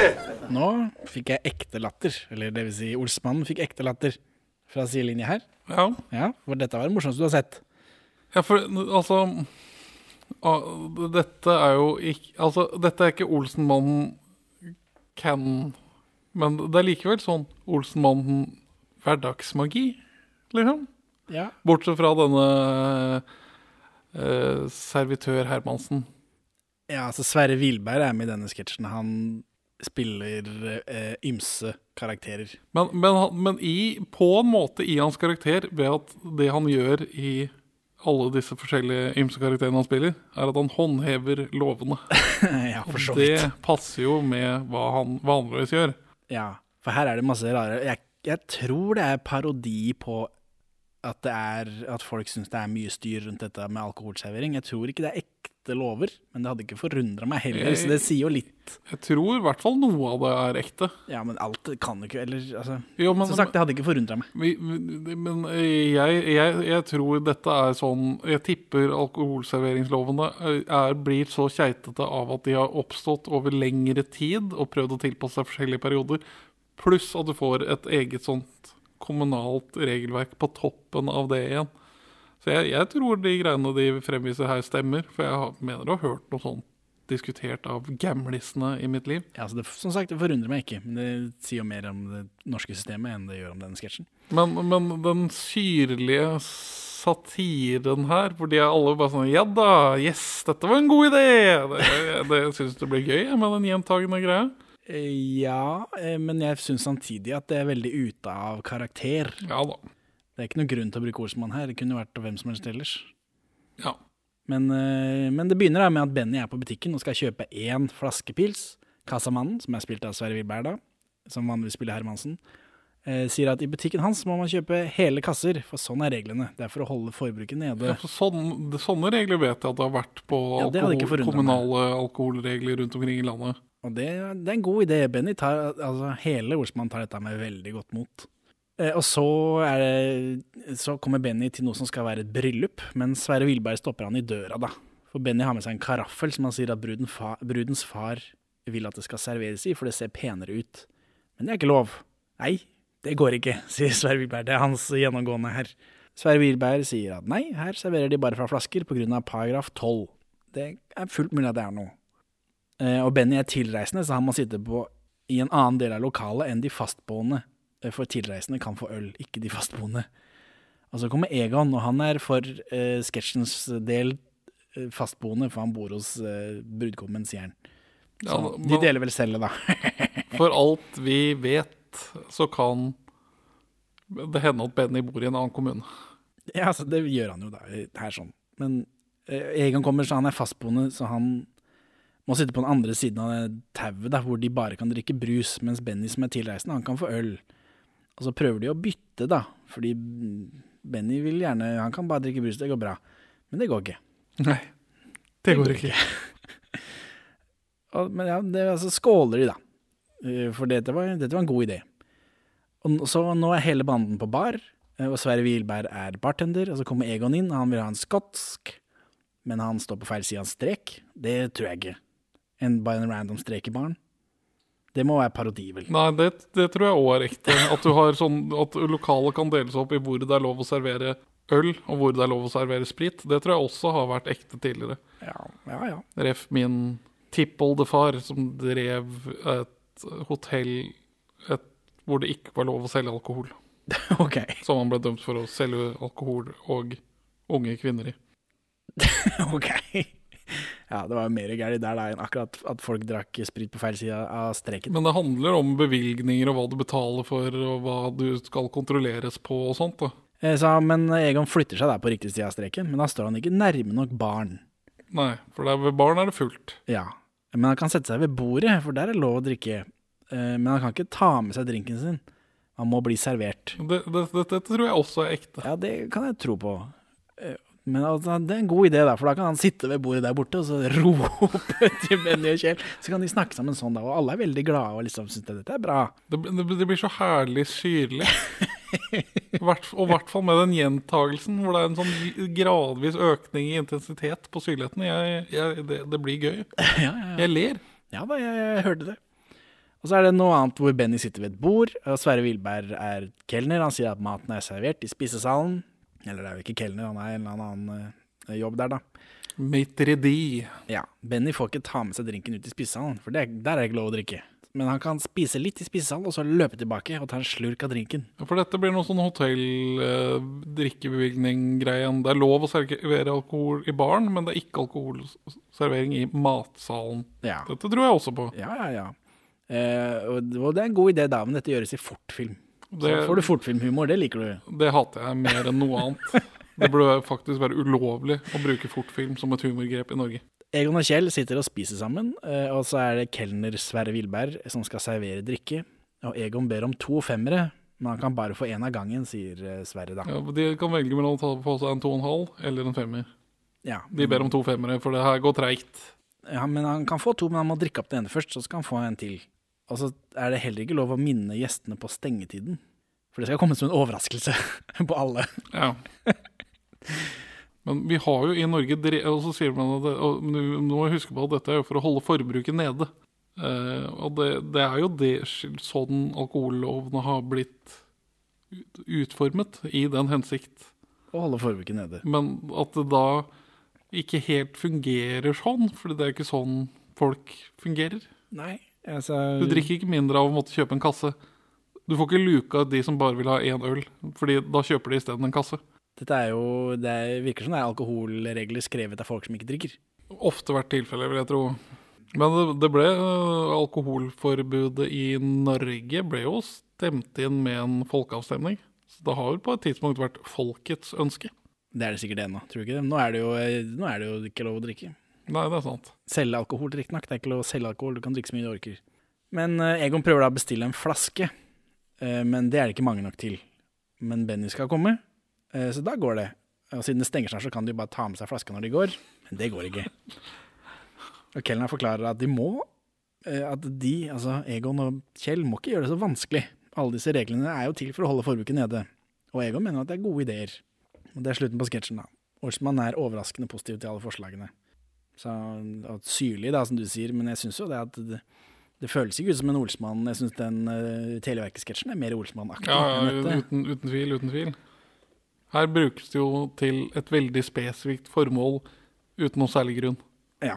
Altså, de har ikke alltid de har noe særlig grunn til å være med der, men dette er jo det fjerneste bortsett fra Rusken 2. ja, og spesielt Egon er veldig ute av karakter. Han hadde ikke funnet seg i dette. Nei. Det finner jeg meg ikke i! Nei. Og hele greiene er fem minutter og seks sekunder langt. Og etter den sketsjen så har Harald Tusberg et intervju med en overlege ved Statens edruskapsdirektorat i salen, da. Og de snakker om om denne sketsjen var parodi eller ikke. Og han eh, overlegen mener at det ikke er det. Så det kan hende at alle disse reglene faktisk eksisterer. Overlegen påpeker da at folk flest drikker hjemme, eh, men kanskje det hadde vært bedre om folk drakk ute. så og her spør de seg da om reglene er for folk i 1982, eh, så enten er episoden feilmerket, eller så ser Tusberg fremover mot neste år, da denne episoden er merket 5. desember, for den kommer i 81. Men hva er Statens edruskapsdirektorat, tenker jeg, når jeg hører på han, for han er jo pro drikking ute blant folk. Ja, fordi der er det mekanismer for å sette ned tempoet på drikkingen, og det er dyrere. Jeg tror det er derfor han vil at folk skal drikke ute, fordi da får de drukket mindre. Ja. Når jeg sitter aleine med whiskyflaska kontra jeg betaler 150 spenn per stusslig lille shot Ja, ja, ute, så går det litt treigere der. Så sånn er det. I 1981 så dukker Olsmann også opp i TV-krysset, som jeg tror er et kryssord på TV, ledet av Roald Øy- Øyen. Antar jeg, da, for TV-krysset er allerede tatt av den forrige Norwaco-avtalen, så den er ikke tilgjengelig i NRK-spilleren lenger. Så da må jeg ty til YouTube. Roald Øyen kjenner vi jo som nøttegeneral, siden han ledet Påskenøttene mellom 1984 og 2010. Men han har jobbet i NRK fra 1961, både foran og bak kamera. da. Og i 1976 så vinner han Gullrosen under Underholdningsfestivalen i Montreux, når han regisserer Jon Skolmen og Trond Kirkevåg i kortfilmen 'Rundkast om kringkasting'. Ja. Og i 1983 så har han ideen til Ta sjansen. Husker du Ta sjansen? Ja, Det er et av barndommens mest magiske TV-minner. Ja, absolutt. Selv om jeg ikke får noe glede av å se det i spilleren. Jeg, det, var, det var mer morsomt da enn det er nå. Ja, for da var det liksom helt fantastisk. Det er random foreninger og, og lag og sånt noe som bygger drittfarkoster som de kjører ned Holmenkoll unnarennet med, og så skal de kaste seg ut i vannet og slå i en bjelle, og så er det om å gjøre å komme fortest bort til en bjelle, tror jeg. Det er det nærmeste vi har kommet et japansk TV-konsept i Norge? Spørsmålstegn. Ja, kanskje, og så er det liksom det engasjerer lokalmiljøer og sånn. Ja, og de bygger sånn helt insane eh, farkoster. Det er jo noen av de som Altså, det ble vel etter hvert trend for at de var todelte. At du har én som samler fart, og så skal den En som skyter den ut, ja. ja. Ja, men jeg ser så på noen av de, de, som, de som er liksom de hardeste, de går dritfort. Og så er det en i front som pælmer seg uten tanke på egen helse mot den bjella. ja. Hva, hva vant man? Jeg, husker ikke, jeg vet ikke. Jeg har bare jeg, duka- jeg titta så vidt på det i forbindelse med dette. Men det, den merkelige mengden prestisje som folk la i det, det var liksom Jeg husker det var supergøy som barn. Ja. Det siste Ta sjansen går i 2002. Og det, det, dette er vel hovedgrunnen til å hate den nye Holmenkollen. At ikke det går an å ta sjansen der. Ja. Ja, ja. Eh, Men dette klippet er jo altså da fra eh, TV-krysset i 1981, og det må jeg inn på YouTube for å finne. Og vi skal hilse på Olsenbanden. Det er Knut Bovims eh, spesielle gjeng, som består av Arve Oppsal, Karsten Byring og Sverre Holm. Dette er ikke noe ferietur, så vidt du vet det. Ja, må vel kunne unne seg en liten øl, vel? ikke tale om! Jeg vil hjem til Valborg. Pappskaller og hengerumper. Det er for noe gærent jeg har gjort, altså, må omgås sånn som dere. Dette var eh, mat for Benjamin vel. Her var det tyskergull og Ja, for hva Olsenmannen sitter Dette var syv loddrett er filmen Den formidable fangst, med Olsmannen i dette Hvor mange TV-krysset. bokstaver er det i Rohypnol? Ja, s- Tyskere. Ja, norske tyskere, da. Eller. Det jo, de skal spille tyskere selv om det er nordmenn, Ja. antar jeg. Det hørtes veldig norske ut uten Ja, at jeg kan tysk. For Olsmannen sitter i ei snekke. Det stemmer. Tøffer av gårde i en liten snekke. Egon Olsen har en plan, Ja, men der Hvor er de? For det ble under krigen senka en russisk gullbetaling for alle våpnene de kjøpte fra de allierte. I Barentshavet. ja. Det er da veldig langt unna Oslofjorden. Jo, jo, men dette her eh, Dette er jo en båt som har henta det gullet allerede. Oh, ja, ok. Altså, det HMS Edinburgh, som er det de snakker om. Jeg syns du sa milliarder, jeg, Egon. Akkurat en halv milliard i rent gull. og de kom ifra, sa du? Fra krigsskipet Edinburgh, som ble senka i Barentshavet under krigen. Og gullet, det var betaling fra russerne for alt våpenet de kjøpte. Og nå har de endelig bestemt seg for å ta opp hele gullasta. Ble senket i april 1942, omtrent 250 km utenfor den norske og for så vidt russiske kysten. da. Eh, og den hadde med, I Barentshavet. Og den hadde med seg 4570 kilo gull, som skulle være delbetaling til Sovjetunionen for materiell og utstyr. Gullet var verdt omtrent 1,5 millioner pund stirling da, som er omtrent 853 millioner 525 100 norske kroner nå. Ja. Så i 1954 eh, så gir britene sånn eh, salvage rights til et britisk firma, men det blir ikke noe av pga. den eh, noe anspente eh, forholdet mellom statene, altså Sovjetunionen og, og Storbritannia. Og i 1957 så blir vraket gjort til, en slags, eller til en krigsarv, som gjør opphenting enda mer komplisert. Krigsgrav er vel det du Det var ute det etter å si her. jeg var ute etter å si. På 70-tallet så begynner britene å bli nervøse for at banditter skal hente dette gullet. Eller Sovjet bare, da. og i 1981 så finner de vraket på 245 meters dyp, og de henter ut 431 av 465 gullbarer. Og setter verdensrekord i dypdykk samtidig, og jeg, regner ikke med at den står ennå. I 1986 så blir 29 barer hentet opp, noe som betyr at fem barer er tapt. Så her er det bare å begynne å lete. Ja, null stress, joggedress. Men dette er jo i tiden, da, for dette var i 1981. De henta opp mesteparten.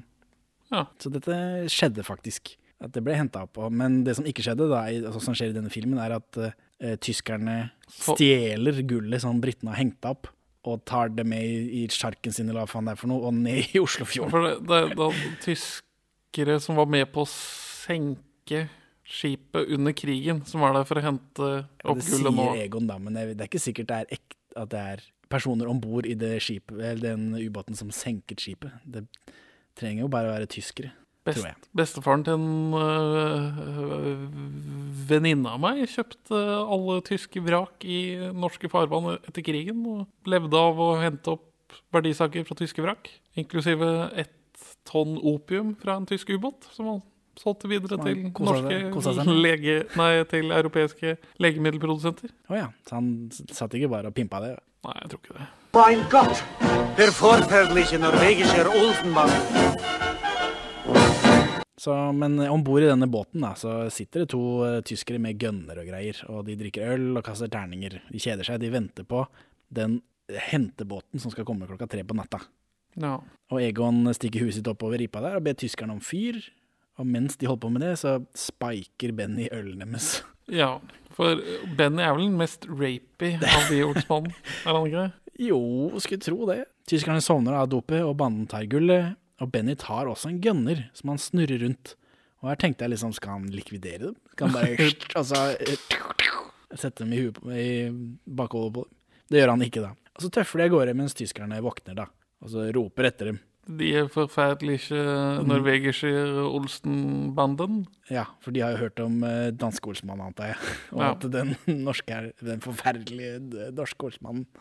Og så kommer det enda en film fra det som virker å være det samme programmet. Det er jo klippet sammen i denne YouTube-videoen. Eh, Og det starter med at Roald Øyen ikke kan uttale Olsmannen, da. Eh, Og han sier Olsensbandens. Og så skal vi ta en titt på Olsenbandens videre meretter. Eh, Og senere skal vi se Pål Bang-Hansen gjøre akkurat det samme. Så det er ikke lett. Det er ikke det. Ja, dette er 18 vann vannrett, og den filmen heter Fangst. Eh, Og nå sitter banden og pilser og røyker sigar etter at de har klart å ta gullet, for de klarte jo faktisk å ta det. Eh, Og denne kontaktmannen deres skal komme med cash, så nå skal de til Syden, alle er glade. Men så kommer Hermansen og tar dem for tyveri av snekka, viser seg. Altså masse sånn shaming for å ha stjålet uh, er halv- til en gammel pensjonist. Ja, til Haldorsen da, som eier snekka, og for den snekka, for han, så er den snekka gull verdt. Så når uh, Hermansen arresterer banden, så tar ikke de med seg gullet. Så han, eh, Haldorsen får tilbake snekka med gull oppi. Så tøffer han av gårde eh, med gull og det hele. Filmslutt. Film slutt. Hele greiene er 6 minutter og 53 sekunder, da med introer av eh, Roald Øyen, da. Altså, altså brudd med tradisjonene. Nå er det alle i banden skal til Botsen. Ja, det er i hvert fall inntrykket vi får. Nå er det jo bare Egon Egon er lenger fremme enn de andre. Sånn eh, kameramessig. Men han sier 'til Botsen med dere'. Ja, ja, ja. Eh, jo, og Roald Øyen shouter vel out eh, Knut Bovim et, eh, på begynnelsen av eh, dette klippet. I 1982 så er Olsemann tema i Pål Bang-Hansens quizshow om film, Zoom. Så jeg tenkte jeg skulle quize deg litt. Oi. Olsemann var forresten også tema i en episode av Kvitt eller dobbelt i 2008, men det ligger selvfølgelig ikke i avspilleren, fordi det er etter 1997, for det der Norwaco-greiene er faen meg så komplisert at Altså, jeg, jeg tenkte jeg skal la Pål Bang-Hansen uh, quize deg. Ja, det, det føles jo som en ære. Så uh, skal vi se. Men nå vet vi jo allerede at dette er i 1982, så det er jo et hint da, for deg. Er du klar? Ja. Livsforsikring. På fem millioner. Det må en si. Så det lønner seg faktisk ikke å slå med i hjel. Prisen blir nemlig den samme. Ja, nå har vi sett et klipp av en Olsmann-film med Biffen, og Alf Nordvang er der. Og eh, Pål Bang-Hansen spør Det er vel ikke tvil om at det var Olsenbanden. Nei. Men eh, hvilken Olsenbande er dette, da? Jeg tror det er Olsenmannen og Dynamitt-Harry Nei, og Data-Harry knuser Verdensbanken. Det er altså i 1982, så det er jo den filmen som kommer i det året her, da. Det er et stygt spørsmål, jeg vet det. Det er nemlig den aller siste, som heter Olsenbandens aller siste kupp. Som vi hører, Pål Bang-Hansen kan ikke si Olsenmannen. Yes, er du klar for spørsmål nummer to? Selvsagt. Pål Bang-Hansen spør Eh, hvem er det som har regissert ti Olsenbande-filmer? Knut Bovim. Det er riktig! Yay! Fy søren, du er god. We are the champions. Ja, Vi er ikke ferdige ennå. Det er ett poeng, da. Eh, og så spør Pål Bang-Hansen Så er det to til, da. Hvem har regissert de? Åh. Åh. De har vi sett, de filmene som ikke er regissert av Knut Bovim. Det vet jeg. Um, hva er det de heter igjen, da? Åh, jeg har jo Det er eh, Siste Bedrifter og Olsmann og Dynamitt her. Han ene heter et eller annet med Knut Det er riktig. Han ene er medeier i Team Film.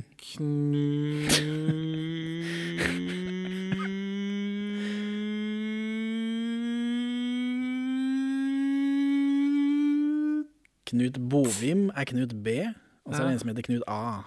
Knut A og Knut B, og så er det Mattis Mattisson som er medeier i Team Film. Ah. Det er Andersen, Knut Andersen. Ikke noe poeng å få for den.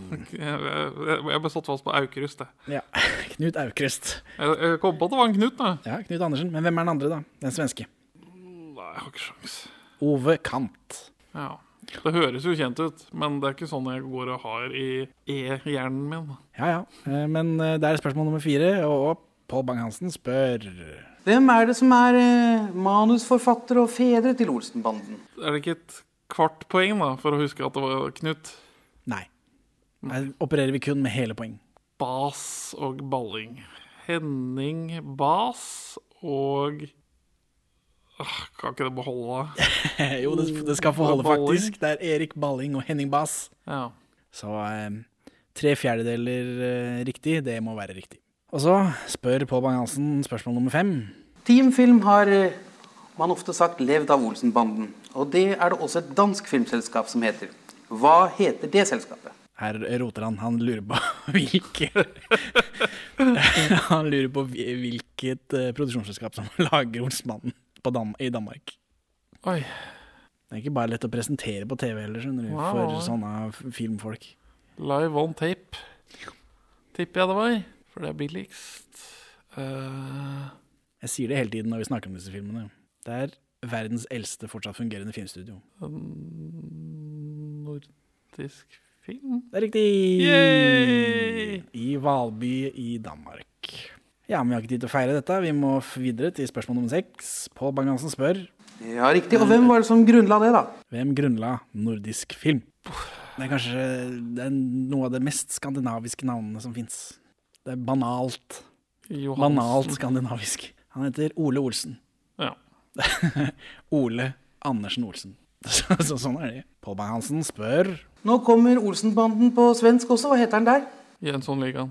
Ei, det er riktig. Fy søren, du er god. Eh, og så eh, spør Pål Bang-Hansen det siste spørsmålet, og han, han roter, da. Eh, for, for han, han, han Ja, jeg vil stille spørsmålet først, og så skal jeg fortelle, fortelle hva han roter med etterpå. Og hvem tror du spiller Egon Olsen i Sverige. Eller Egon Jønsson, da? Eh, han heter ikke Egon Jønsson i Sverige. Han heter Charles Ingvar Sikkan Jønsson, det er riktig. Men hvem er det som spiller han i Sverige? Enn så lenge, da. Eh, ja, for det byttes ut, der. Men de bytter ut karakteren, stort sett, ikke skuespilleren. Okay. Fram til disse rebootene senere, da. Ingvar Bergman. Eh, han fra Det sjuende seilet. Um, Max von Sydow. Max von Sydow. This, this, is my, this is my final answer. Ja, ja. Uh, nei, det er Gøsta Ekman. Det har jeg jo hørt før. Ja. Og Gøsta er jo verdens styggeste navn. det stemmer. Da ble det én, to, tre, fire. Det ble 50 det. Det var ikke verst. Jeg er fornøyd. Ja, det er bra. Um, ja, det var, det var quizen til Pål Bang-Hansen. Men først skal vi ha besøk av kveldens gjester. Eh, det mangler ikke på intervjuer rundt Olsmannen, åpenbart. Nei. Og jeg gidder ikke å ta med alle de her sånn, selv om det hadde vært morsomt. Men de sier bare det samme om igjen og om igjen, stort sett. Bortsett fra her sånn, for i dette quizprogrammet, etter den quizrunden som vi akkurat har gått gjennom, så er det et intervju med Arve Oppsal. Veldig vanlig, alle snakker med Arve Oppsal hele tiden, om Egon. Men Biffen er også der. Uvanlig. Ja. Så, så jeg tenkte vi skulle høre på det, da. Så dette intervjuet skiller seg ut da, fordi gladdanske Ove Werner Hansen er med. Uh, er med. Bitre uh, Arve Oppsal, og, og lyser opp tilværelsen litt. og de snakker om de danske, som er absolutt mangelvare når man intervjuer eh, om Olsmannen. Det Biffen er jo en slags breakout character, er han ikke det? I hvert fall for oss raringer som driver podcast i år 2022. Herlig måned. Så i grunnen er du likevel litt lei for at Olsenbanden forsvinner, altså? Ja, det er litt vemodig. Men jeg vil jo takke kritikerne. De har jo lagt grunnlaget for den kjempesuksessen. fordi at de har jo blitt skjelt ut hver eneste gang. Og eh, det norske folk er et trasig folkeferd, så det er derfor de har kommet, tror jeg. Og du, Ove Werner Hansen, du driver og slår Arve Oppsal i huet, men du kan jo langt mer enn det, kan du ikke det? Du er jo en seriøs person, er du ikke det? Jo, det sier min mor i hvert fall. ja. Men øh, jo, jo, det er jeg. Altså, jeg har jo, jeg har jo en fortid som operasanger på Det Kongelige Teater. Og øh, det, har jo, det er jo langt fra, at jeg skulle slå Arve i hovedet, men øh, på den anden side, jeg gør det rytmisk. Sånn var det. Hva syns du om dette intervjuet? Det er påfallende hvor bitter Arve er i forhold til gladkoselige eh, Ove Werner Hansen. Ja, han er jo en sur pikk, da. Ja, Og så er han jo er. Full av dritt. Altså, det er veldig lite som ramler ut av kjeften hans som stemmer. ja, men sånn er det når man gjør intervjuer om Olsmann, tror jeg. Ja, og altså ljuger om hva slags tilbakemelding de får fra filmanmelderne. Ja, men det gjør alle i Olsmannen. Det, dette, er, dette er en mytologi de har skapt om seg selv, som nok ikke stemmer. Ja, for altså, de får jo litt tid, men også får de, når de filmene fungerer mer enn vanlig, så får de skryt for det. Ja, du får det du har betalt billettpengene for. Var det noe mer du festa deg med ved, i dette intervjuet? Ja, og så er det denne påstanden om at uh, din, det norske skuespillet er mer autentisk. Sett fra din side, Arve, hva er forskjellen? Forskjellen er spillestilen. Vi spiller mer realistisk. eh, komedie enn danskene gjør. Betyr det de har en helt annen spillestil. Nei, det jeg mener eh, oppriktig at de eh, ja, i våre øyne, da, eller mine øyne, overspiller en del. Altså, det er mye mer utrert. Vi holder oss mer eh, De danske filmene er mer stiliserte, altså. Ja, det kan man si. Ja, for han mener at danskene overspiller mer. Og det, det stemmer i hvert fall med Paul Bungar, som er et grusomt uh, menneske, holdt jeg på å Et, si. mytolo et mytologisk monster, tror jeg du prøver å si. Ja. Det. The Call of Bungardur. Eh, men ja, det stemmer i Kjell sitt tilfelle, men Egon er jo den som gjør minst med materialet sitt. Jeg vet ikke om det er det samme som å spille mer naturlig. nei, nei, nei, jeg vet, jeg vet ikke. Jeg ble, jeg ble mer anti-Egon, anti-norske Egon av å se dette. Å se dette intervjuet med Arve Oppsal-personen. Ja. Uff a meg. Men uh, Biffen er jo øh, Altså, til å være bad guy, så er han bare Han har en sånn utrolig karisma til det det utseendet han har. Han er jo så varm og leken og ja, hyggelig. Ja, men her er han stilt opp mot Arve Oppsal, da, som er kald og bitter. Virker iallfall sånn. Snakker Ja. om, om eh, Og det er viktig at man lager filmer som folk vil se, og ikke dra på filmfestivaler med sånn fancy filmer og, eh, og alt mulig rart. Men, det, men det som Nå vet jeg jo ikke dette, da, men Ove Werner Hansen sitter jo her og snakker på, til et norsk publikum. Og han har veldig gode Det føles ut som det er utstuderte svar, men hvor ofte er det han gjør intervjuer med nordmenn? For dette er jo spesifikke svar til, eh, til spørsmål som bare nordmenn vil stille. Hvordan er det å, å jobbe med Arve Oppsal istedenfor Ove Språge? Jo, nei, han er 15 kilo tyngre, liksom. Det er hvor Har han øvd inn denne replikken, eller er det, kommer det naturlig for han å være så smooth? Kanskje han har vært Han har på- sikkert tenkt over det, det er ikke det, men at det, det, hvor ofte er det han gjør intervjuer på norsk? Ja, Det kan jo hende at han har vært på sånn presseturné eller blitt intervjuet av lokalaviser over det ganske land. Da. Ja, altså Det kan fullt hende, men da har ikke jeg sett noe Men annet enn dette, som var fantastisk. At det bare er 15 kilo som skiller norsk og dansk Egon, det tror ikke jeg på. Da må Ove Sproge legge på seg noe veldig. Han har jo den enorme penisen. Så det kan være noe der. Eh, Men dette at eh, han, grunnen til at han er med over i de norske filmene, er fordi vi nordmenn har ingen som ser ut som han, fordi vi går for mye på ski. Han, liksom, han er en jovial, morsom type. Ja, jeg, jeg står for min tidligere påstand her i en eller annen episode om at jeg har, jeg har lyst på en klem Ja. fra Biffen. Enig. Jeg Skulle ønske han var min farfar. Ja. Eller noe sånt. Da er det videre, da. Nå er vi ferdig med quizen. Kommer, eh, nå kommer det også et intervju til, men det, er sånn, det henger sånn halvveis sammen med eh, en opptreden de gjør i eh, karakter, så det får bare være med. I 1983 er Olsemann gjester i Jon Skolmen-showet God aften, mitt navn er Jon. Og Jon Skolmen er jo en av de få nordmennene med eh, suksess i det forjettede landet Sverige, med eh, selskapsreisene. da. Jeg er kjent med dette. De, de erklærte vel landesorg i Sverige når han døde, tror jeg. Jeg, eh, jeg vet ikke, men det er jo et mål for alle nordmenn å bli store i utlandet, og utlandet betyr jo bare Sverige. Ja, også, og, Men det er jo i det hele tatt sensasjon at svenske redaksjoner har en sånn forberedt sak på at en norsk komiker dør. Ja, så det er vel sikkert han og Fredrik Skavlan, da. Året etter, i 1984, så dukker han opp i Men Olsenmann var ikke død, så det er noe greier, da. Titt for tett. Ja. Prid på Corlo, Clarish. Og dette det finner vi faktisk i NRK-spilleren, i hvert fall til over nyttår. Åh, her er det svære forhold, du. Se, du, her kan vi få musikk til arbe også. Ja, også sånn som alle folk blir TV-overvåka her. Vi er på TV. Er vi på TV? Og dæven. Da må jeg benytte anledningen til å sende en hilsen hjem til Valborg. Det mest interessante med dette intervjuet er at Begynn med sketsjen, da. Men ja, hva er det mest interessante med intervjuet? ja, Jeg vil liksom bare ta det med en gang, siden jeg syns det er så juicy. Det er juicy, Henning. Det er juicy at vi får dem i, i tale. For eh, Jan Skalmen Jon Skalmen. Ja, ja, det var sånn det var. Jons Kolmen. Ja, si hva du skal si nå, for jeg skyter meg. Jon Skolmen eh, er en god intervjuar, vil jeg si, da han spør dem, ber dem om å beskrive hvem de er. Ja, for det har jeg notert meg at eh, det er tolv filmer inn, så er kanskje litt sent. Ja, det er det jo, men Men ja, det er, det er, han- han spør Det er, det er et godt spørsmål. øh, og da er det et veldig godt Fra den derre uh, Phantom Menace-reviewen til Mike Stoklasa, Ja. så bruker han det for å finne ut hva, hva er det grunnleggende problemet av Phantom Menace.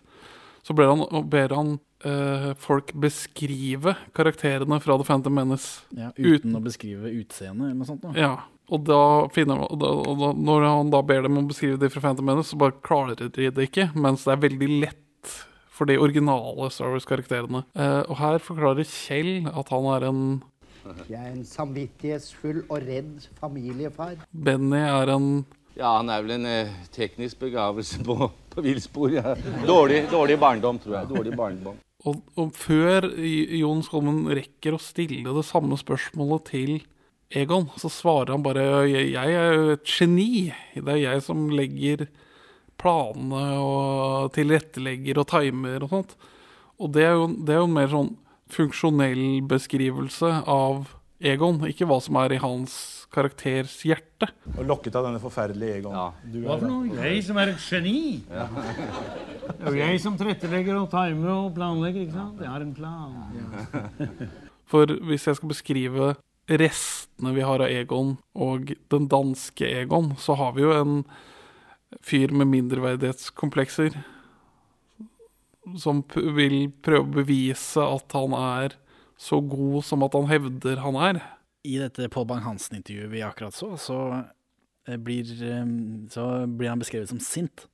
Altså sint mann. Ja, det er heller ikke Det, det er jo Det er ikke det vi som sitter her med kritiske øyne tenker på, men det er tydeligvis det eh, den gjengse nordmannen på, i tiden forbinder Egon Olsen med. Og det er jo også en stor del av de danske. Flere av de har jo titler som spiller på at Olsenmannen er sinte, og da er det først og fremst Egon, selvfølgelig. Natur, naturligvis, naturligvis. Men, men jeg, jeg, jeg sitter igjen med et inntrykk av at Arve Oppsal ikke veit hvem Egon er, og bare lirer av seg fraser uten noe særlig tanke. Ja, altså han er jo skuespiller, han trenger ikke gjøre Han er ikke skuespiller, han er jo revis, revysøppel som tilfeldigvis er fanga på film. Nå er jo, men her er han jo glad da, i det minste, istedenfor Ja, sånn bitter og kjip, som han var i det der Pål Bang-Hansen-intervjuet. Det, det, det er da noe. Ja. God aften, mitt navn er Jon. Det er en slags sånn varietéforestilling. Revy. Ja. Men det er liksom Hei, jeg er Jon Skolmen, nå skal vi ha litt sang, her kommer en gjest, bla, bla. Her er en sketsj. Det er det greiene der. Med publikum i salen som han snakker Han henvender seg, henvender seg direkte til publikum. Og Olsmannen sprenger seg da inn i studio på Stovner Amfi, for dette er et sånt show han tok med seg rundt. Det er bare tre episoder, jeg vet ikke. Jeg har ikke peiling. Det var, det var enklere før, når det var monopol. Ja. Eh, Men når de sprenger seg inn, så står de med ryggen til. Kjell oppdager først publikum, men han er jo litt sånn skremt, så han får liksom ikke sagt noe. Og så er det Benny, eh, før liksom Egon, da. eh, Ser å, faen, her er det liksom For først så tror de at de er i en bank, så de har liksom noen sketsjer på det mens de står med ryggen til. Eh, Og før Egon da fastslår at de er på TV, og Kjell benytter anledningen til å hilse til Valborg når han først er på TV, gøy. Karsten Ja, Byring, god. Det, er sjarmerende. Selv i en situasjon som dette, eh, så liker jeg han. Og Sverre Holm, han er jo, er jo vanligvis positivt innstilt til, mest av sensasjon, antar jeg, men i situasjoner som dette liker han ikke. Nei. Men altså, Karsten Byring holder seg selv her. Egon sier at de må enten fengsle publikum, eller så blir de fengslet selv. Det er en linje som også kommer tilbake i en annen sketsj, fordi det er gjenbrukt, dette. Eh, Så Egon setter i gang orkestret, og så kommer en, og så kommer det en Olsenmann-versjon av Vi lever. Wenche Myhre-låta Vi lever. Ok, jeg, har, jeg er ikke så god på Wenche Myhre. Nei. eh, eh, altså, Vi lever er en norsk versjon av En chantant, synge, på, på fransk, fra 1978, som er oversatt av Jan Eggum. Quelles que soient nos opinions, on fait sa révolution en chanson. Le monde est plus marrant, c'est moins désespérant en chantant.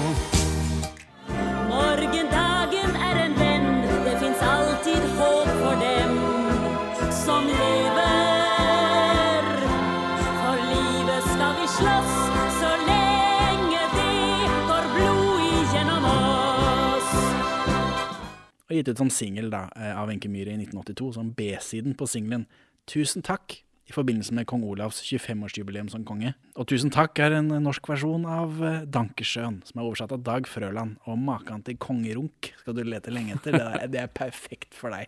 Notert. Shame, darling, shame. Thank you for all the joy and pain. Tusen takk, kjære kongen vår, for alt du rakk i et kvart sekelår. Dine spor fins rundt fjell og fjord.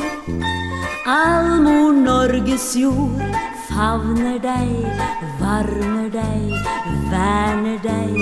Dine år, år.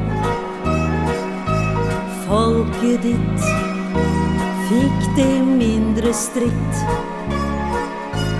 Olavs tid var en sagatid uten nød og strid, fylt av grid, blomstringstid, modningstid, tjusarkung. Hva, hva syns du da om eh, syngende Olsmannen her i podkasten? Jeg får jo lyst til å dø. Ja, altså, dette Her synger en Olsmann spesifikt versjon av Vi lever, og så danser de også. Jeg er smart, og jeg er pen. Jeg har altfor tynne ben. Vi lever. Jeg har stil, og en har bil. Jeg er koffert med dispril. Vi lever. Jeg har planer. og øl. Jeg har Valborgs ville brøl. Og sjenerer. Vi er dømt å holde da. Vi blir æreskjelt i blad. Vi lever. For egen skal vi slåss så lenge det går blod igjennom oss. Karsten Byring som danser veier nesten opp for at de andre også danser. Ja, for Karsten Byring likte jeg jo. Ja, det er veldig rart. Selv disse dansetrinna er liksom selv når, Bare fordi han gjør det, jeg vet ikke hva han gjør. Jeg skjønner ikke. Dette er, det er noe med kjemien mellom folk, og kjemien hans når meg gjennom skjermen. Kjemien Selv- hans. Ja. Kjemien hans. Altså kjemilen. Kjemilen. Kjemilen. Kamelen. Men hva syns du? Nei, jeg vil, jeg, vil, jeg vil dø. Jeg vil ikke leve mer. Du vil ikke utdype noe mer enn det? Nei, det, det blir revysøppel, og det er ikke kultur. Ok. Det, det, blir, det, blir, det blir sånn student, studentforening som har show. Det blir trist. Jeg er glad det er så kort. Det er, det er det eneste som er bra her, at jeg ikke trenger å sitte gjennom hele aftenen med Jon Skolmen. ok. Det får vi ta til eh, 200-episoden 200 vår. Eh, Men ja, men når de har sunget denne sangen, da, så anser de vel publikum for fengslet nok. Så da marsjerer de ut. Og så kommer de ryggende tilbake der fordi det er Jon Skolmen politimann, og så holder de igjen fordi han skal utføre et intervju med de. Så da, da dropper de karakterer, og så er det et intervju, da. Og eh, Jon Skolmen sier at Arve Oppsal er kjent i Sverige. Og før han får fullført hvorfor han er kjent i Sverige, så sier Arve det de har, det har dem. Arve eh, Oppsal, eh, kjent i Sverige som eh, Det de har, det har de Ja, ja, ja akkurat. Ja. Jeg skjønner ingenting. Nei, du så veldig perpleks ut, og det gjorde selvfølgelig jeg også, men jeg har gravet. Fra Wikipedia, om Arve Oppsal da. Han var stjernen i Helsingborg-teaterens riksturné i 1951, og han gjestespilte flere ganger i Sverige. Der ble han kanskje mest kjent for TV-sketsjen han spilte i i 1963, der han som norsk sjømann ble fortalt av sin overordnede Pikene i Lisbon har ikke mer enn pikene i Oslo. Til det repliserer sjømannen Nei, men det de har, det har de her i Lisbon. Det er en sketsj hvor han er en norsk sjømann som er litt dum. Ja. Som han tydeligvis ble kjent for i Sverige. Som jeg aldri har hørt om verken før eller etter dette. Nå må du være forsiktig, da, sa kapteinen til meg. Eh, du må passe deg på jentene, sa han. Jeg skal si deg en ting, jeg, gutten min, sa han, at jentene her i Lisabon, de har ikke noe mer å fare med dem enn jentene hjemme i Oslo har. Nei, jeg veit det, sa jeg, men det de har, det har de jo her i Lisabon, sa jeg. Må, må jeg? Nei, nei, nei. Nei, nei, jeg skal ikke gjøre det nå. Det er bare den eksisterer for de der ute som av en eller annen mystisk grunn skal være interessert. Så det er det en referanse til. Kjent i Sverige. Men så kommer det opp i intervjuet at Olsenmannen egentlig er dansk, og at de også har startet opp i Sverige nå. Så det er ikke verst. Nei, at de spiller med åpne kort. Ja. Det var de som var først. Og så går de gjennom karakterene og hvem de er, som du nevnte da. Altså det er litt pussig etter tolv filmer. Hvem er, det i, hvem er dette programmet for? Hvem er det i Norge som ikke vet hvem Olsenmann-banden er på dette tidspunktet? Nå er det én Olsenmann-film i året i over et tiår. Det skulle være veldig rart om Olsmannen ikke hadde nådd frem til revypublikummet. Men, eh, og så kommer det fram at Arve Oppsal syns det er hyggelig å spille en film, og det er jo bra. Og så drar han opp den bilpressehistorien. Men dette her, 1983, jeg lurer på om ikke dette er urversjonen, for den forandrer seg utover i intervjuer. Så her, for her er, eh, for her er punchlinen en morsom eh, linje av Karsten Byring. Det er ikke han som sier Arve Oppsal imiterer Karsten Byring og Ja, sier det, det er litt gøy. Det lille, den, den lille starten på invitasjonen der, før han dropper det ganske fort. Ja. Da høres han ut som Karsten Byring, og det er litt gøy. Ja, for det er snakk om da at den, der, den klossen står over dem, og de skal ta ett skritt foran. Nå har vi sett filmen. Det er ikke sånn. Det er inni hodene våre. Det er sånn. Mm. Det er de, står, det er aldri fare for livet deres. Nei. Eh, men det er snakk om at de har ikke har stuntmenn og alt det greiene der, sånn, og at de skal ta ett skritt fremover. Da sier Arve Oppsal at Sverre Holm fikk liksom hetta, han har kone og barn, dette kan jeg ikke være med på. Og så sier Karsten Byring slapp helt av, vi blir stående eh, så mye over, og så gjør han liksom et hode over, da. Eh, Når han forteller disse historiene igjen rundt den aller siste Olsenmann-filmen, så er det, er det en fyr som skal liksom droppe den greia, og han, den fyren har en bikkje som bjeffer hver gang de sier eh, liksom action. Og til slutt så går han fyren og skyter den bikkja. Og dette er, det, og Knut Bovim har også fortalt den historien. Men her, det, den bikkja kommer ikke opp i det hele tatt. Det er, det er gøy å se hvordan løgnene utvikler seg fra, Men- gjennom intervjuer. Men det kan jo være at bikkja At den bikkjehistorien føltes for trist å gjenfortelle på TV. Men at, På øh, 80-tallet? Ja, på 80-tallet. Og så er det blitt bedre senere. Ja, Er det, min, er det bedre å bytte Karsten Byring med en hund? Ja. Nei, det er vesentlig mer edgy, den derre skyte bikkja-historien. det, det er jo 90-tallet. MTV har kommet. Olsenmannen føler behovet for Ja, men vi har jo stories, vi. Ja. Vi har bare, vi bare holdt det hemmelig. Det kan være, men, øh, men, men det var gøy for meg, da, som driver med dette på fulltid. Jeg tror ingen andre har moro av det enn meg. Og så kommer tegneserien opp, ut av det blå. Gøy. Ja. At de anerkjenner at de eksisterer. Første skuespill som kommer på Som blir tegneserie. eh, Norske skuespillere som blir tegneserie, sier Sverre Holm. Jeg kommer ikke på noe annet på stående fot. Det skal, eh, det skal bli tegneserie av Olsenbanden, har jeg hørt. Ja, ja, ja. Vi er første, første norske skuespiller som er kommet på tegneserie. Ja, det er ikke dårlig. Udødeliggjort. Tegneserie fremover. Tenk på. Men flere filmer blir det ikke da? Eller, jeg syns liksom alle er den siste. Eller? Hva? Ja, jo, det er jeg snakk om det, altså. Ja. For når den tegneserien nå har kommet, så er det så veldig fin story. Så filmselskapet har lyst til å lage en film til over den storyen, egentlig. Men da håper vi i salen, jeg håper, eh, alle som ser på, at det blir eh, virkelig Vi ønsker at det skal bli en Olsenbanden til, og kanskje 1000 òg. Ja, nei, jeg kommer ikke på noe, men det er også veldig mye gammel, kjip tegneserie, norsk tegneserie, som har bare gått i glemmeboka. Ja, altså det er vanskelig å vite om det kom en enkrones tegneserie av Gjest Bårdsen, liksom. Ja. Men vi er ikke akkurat gode på å være hippe og merchandise i Norge. Nei, og disse tegneseriene er jo andre historier, det er ikke bare versjoner av filmene. Så det er mulig det er det han mener. Tenk om de hadde masseprodusert det der magiske apparatet til Benny. Den, hva er det han kaller det? da? Den Dingsen. Dingsebomsen? Ja, det er en dings. Ja, hvis en Dings masse, på eh, dansk. Hvis de hadde masseprodusert Dingsen, så hadde jo alle gutter i ja, ja. det ganske land kjøpt den. Skjønner. Bennys uh, røntgenbriller som man kan se på nakne damer med. Ja. Nei, men sånn er nå det. Arve Oppsal sier at produksjonsselskapet synes at storyen i tegneserien er så fin at de vil lage film av det. Dette er jo, der er um, Olsmannen uh, raner Hurtigruta, er den første. Og det har jeg hørt snakk om, at det å lage film av dette tegneseriegreiene, at det var prat om det. Men det ble vel eh, for dyrt, eh, tror jeg. Skulle jo sett for seg at Hurtigruta skulle stilt med litt spenn til det, da, men Skulle tro det, men det er jo alltid dyrt å lage Olsmann-film av en eller annen grunn. Ja. Dette hadde jo vært et originalmanus i tillegg. Etter at de går av scenen, så kan man høre Sverre Holm på Hot Mix si ja ja, så ble det med den ene. hadde de planlagt flere sanger? Hvem vet? Hele greia er på 7 minutter og 30 sekunder og ligger i NRK-spilleren. da. Er du klar til å gå videre? Men nå begynner jeg å bli sliten. ja, men dette er episode 100. Vi må bare holde ut. 1985, Lørdagsbilaget. Lørdagsbilaget er et program på underkant av tre jævla timer. Noe som inkluderer Kveldsnytt, da.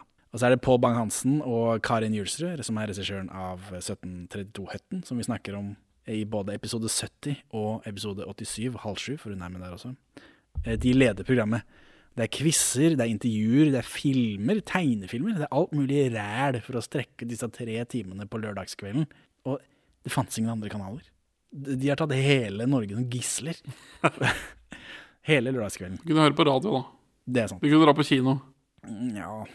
De gjorde også forsøk på å sende reklame for ideelle organisasjoner, produsert av inviterte reklamebyråer. Frank Aarebrot mente at flere former for reklame burde bli utprøvd når man nå var i gang. Så Frank Aarebrot var ute og uttalte seg om dette, og der dukker også Olsmann opp. bygninger som har en høy arkitektonisk kvalitet, og som vi i dag knapt ser fordi at hele området i særlig grad er trafikkforslummet gjennom trafikken i Rådhusgaten, som er på disse to kvartalene Norges sterkest belastede eh, trafikkområde. Eh, I midten av det forrige århundre var Bankplassen eh, det selvfølgelige sentrum i Oslos kulturliv, med teatret, med Losjens store sal, eh, og ikke minst eh, Kafé Engebrett. Eh, Vi har forsøkt å tilpasse bygningen på den måten at hele dette store kvartalet, som er ca. 90 ganger 120 meter, er delt opp, seksjonert, i mindre bygninger som i størrelse, utstrekning, høyder og målestokk er, relaterer seg til dimensjonene på de gamle bygningene. Det er det verste jeg har sett. Det er like vanskelig som å åpne et narvesmørbrød på jernbanen. faen er det her for noe, Henning? Hæ? Hva faen er det vi ser på? Hvorfor er Benny i Hollywood? Hæ? Jeg skjønner ingenting. Driter i om det vrenger. Jeg skjønner ikke. Hvorfor skjer dette? Slapp av, da. Det er sikkert flere folk som spiller podcast i uh, salene rundt her. Hæ? Hva er det her for noe? Hvorfor er dette her? Hva er Jeg vet kontekst her? Jeg trodde jeg bygde til noe, jeg. Kontekst er vel at de har bygd Nye Norske Bank. Det er en del av programmet Lørdagsbilaget denne lørdagen her. Ok. Eh, Men eh, Sverre Holm er tydeligvis på ferie i Beverly Hills. Hvorfor eh, tvang Pål Bang-Hansen han til å pakke ned Benny-kostymet og ta med det? Bare for å gjøre en bitte liten sketsj. Det, som- det som skjer, da, det er, det er Pål Bang-Hansen er voiceover over bilder av en handlegate i Beverly Hills, hvor alt er veldig dyrt. Og Sverre Holm driver og skritter opp utenfor juvelbutikken til Cartier. Hvorfor det? Jeg vet ikke. For han, han, gjør ikke noe sånt aleine. Nei, men det tror jeg bare fordi Sverre Holm var på ferie, og de skulle lage en Olsmann-sketsj, og da måtte de ha med han kan, Vet ikke. Har de, har de leid inn et lokalt eh, filmbyrå i Los Angeles til å filme han gjøre dette, og så sendt det med FedEx til Norge? For dette er ikke filma på mobiltelefon. Nei, men altså leie noen til å filme noe i Hollywood, det er jo ikke vanskelig, da. Nei, nei, men det er jo eh, Hvorfor? Hvorfor yte dette? Ja, men er det første gang noen, noen fra noen Olsmann er utenfor Europa?